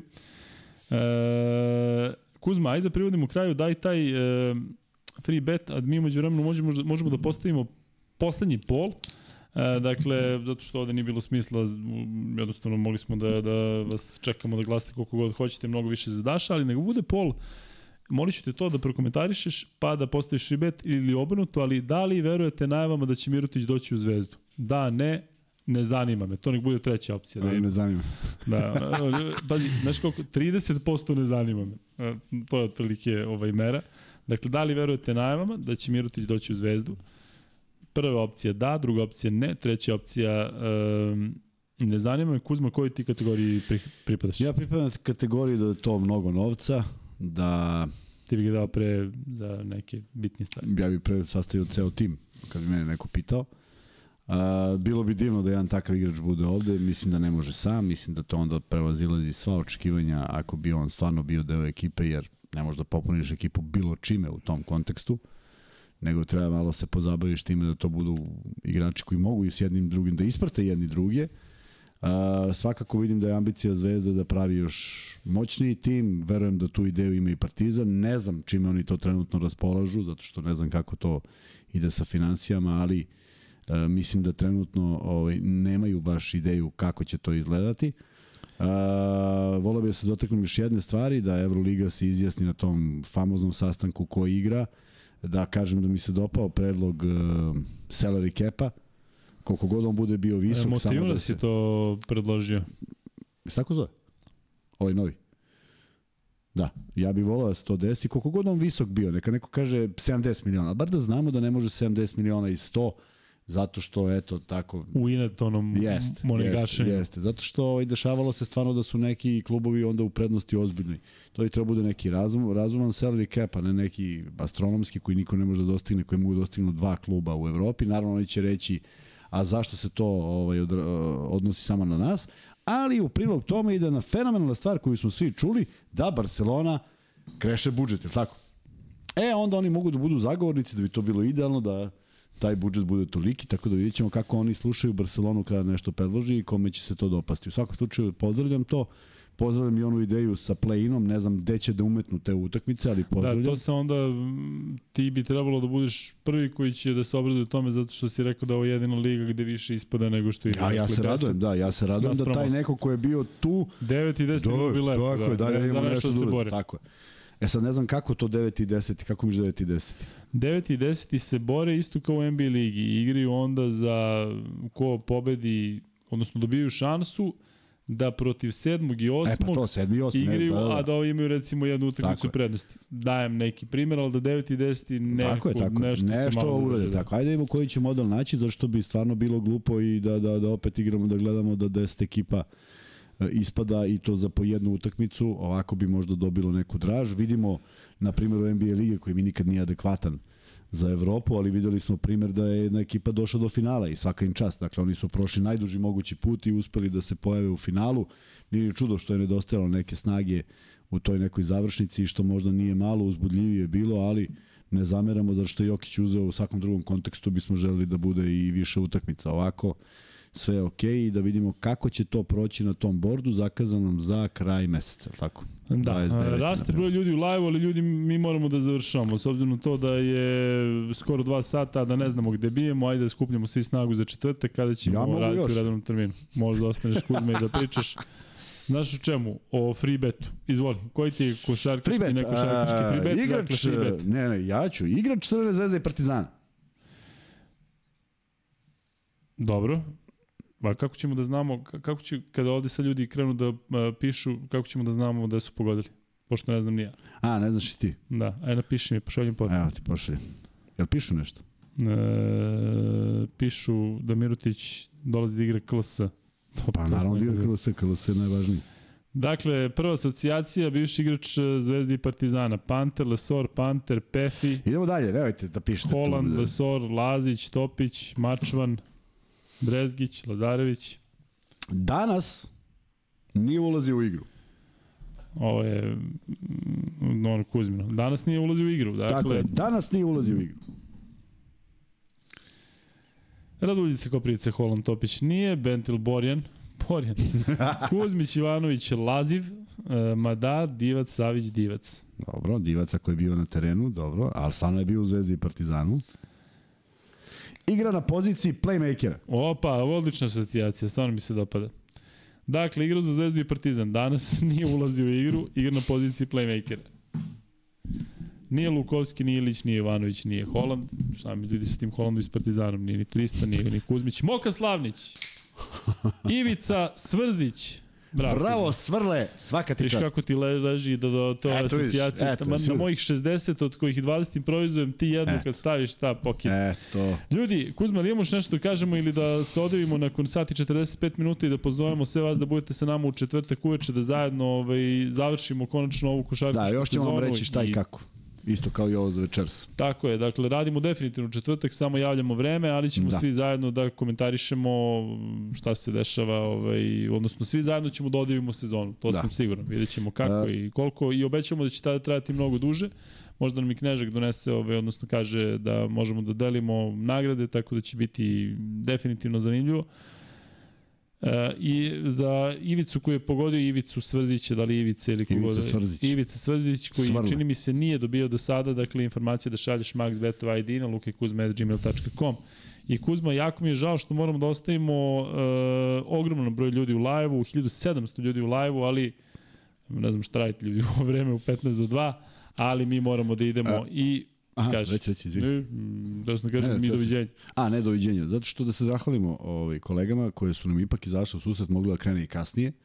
Ovaj, tako da ovih sati 45 minuta uz sve opet što smo radili, a ne mogu da vam prepričam Lukin dan danas, ovaj, je već dovoljno dobro i zaista vam hvala što ste bili tu. Nadam se da smo ispričali sve ono što smo želeli da ispričamo, ako smo nešto zaboravili nadoknadit ćemo. Uh, ajmo da uživamo u, u petoj utakmici što se košarke tiče, a onda možemo jedan podcast da posvetimo zaista nekim stvarima koje su pratile sve ovo, ali tek post kada se sve završi. se sve smiri, mi da opet sve- ovaj, Da, ubacimo ne, samo rovca da pričamo, da... samo da pričamo o nekim stvarima koje je bilo interesantni. Bila je interesantna Biće, Željkova biće. konferencija za štampu, bila je interesantna Ivanovića, bile su interesantne neke poruke, ali u dva ujutru je jako teško pričati o tome, malo i mi da odmorimo, da, da se slegne, a onda kažem, posle pete utakmice možemo neke stvari zaista da ispričamo i da vidimo šta ko misli, zato što verujem da iako ne mislimo isto, možemo da dođemo do nekog do neki zajedničkog zajedničkih zaključka. zaključaka. Tako da, je. kako. I on počne, ja hoću da mu uzmem reč iz usta, Ne, ne možeš da. mi uzmeš reći iz usta. E, ljudi, hvala vam puno što ste bili u ovom 190. podcastu. Ovo je greška da je 189. Izvinjavamo se, ispravit ćemo.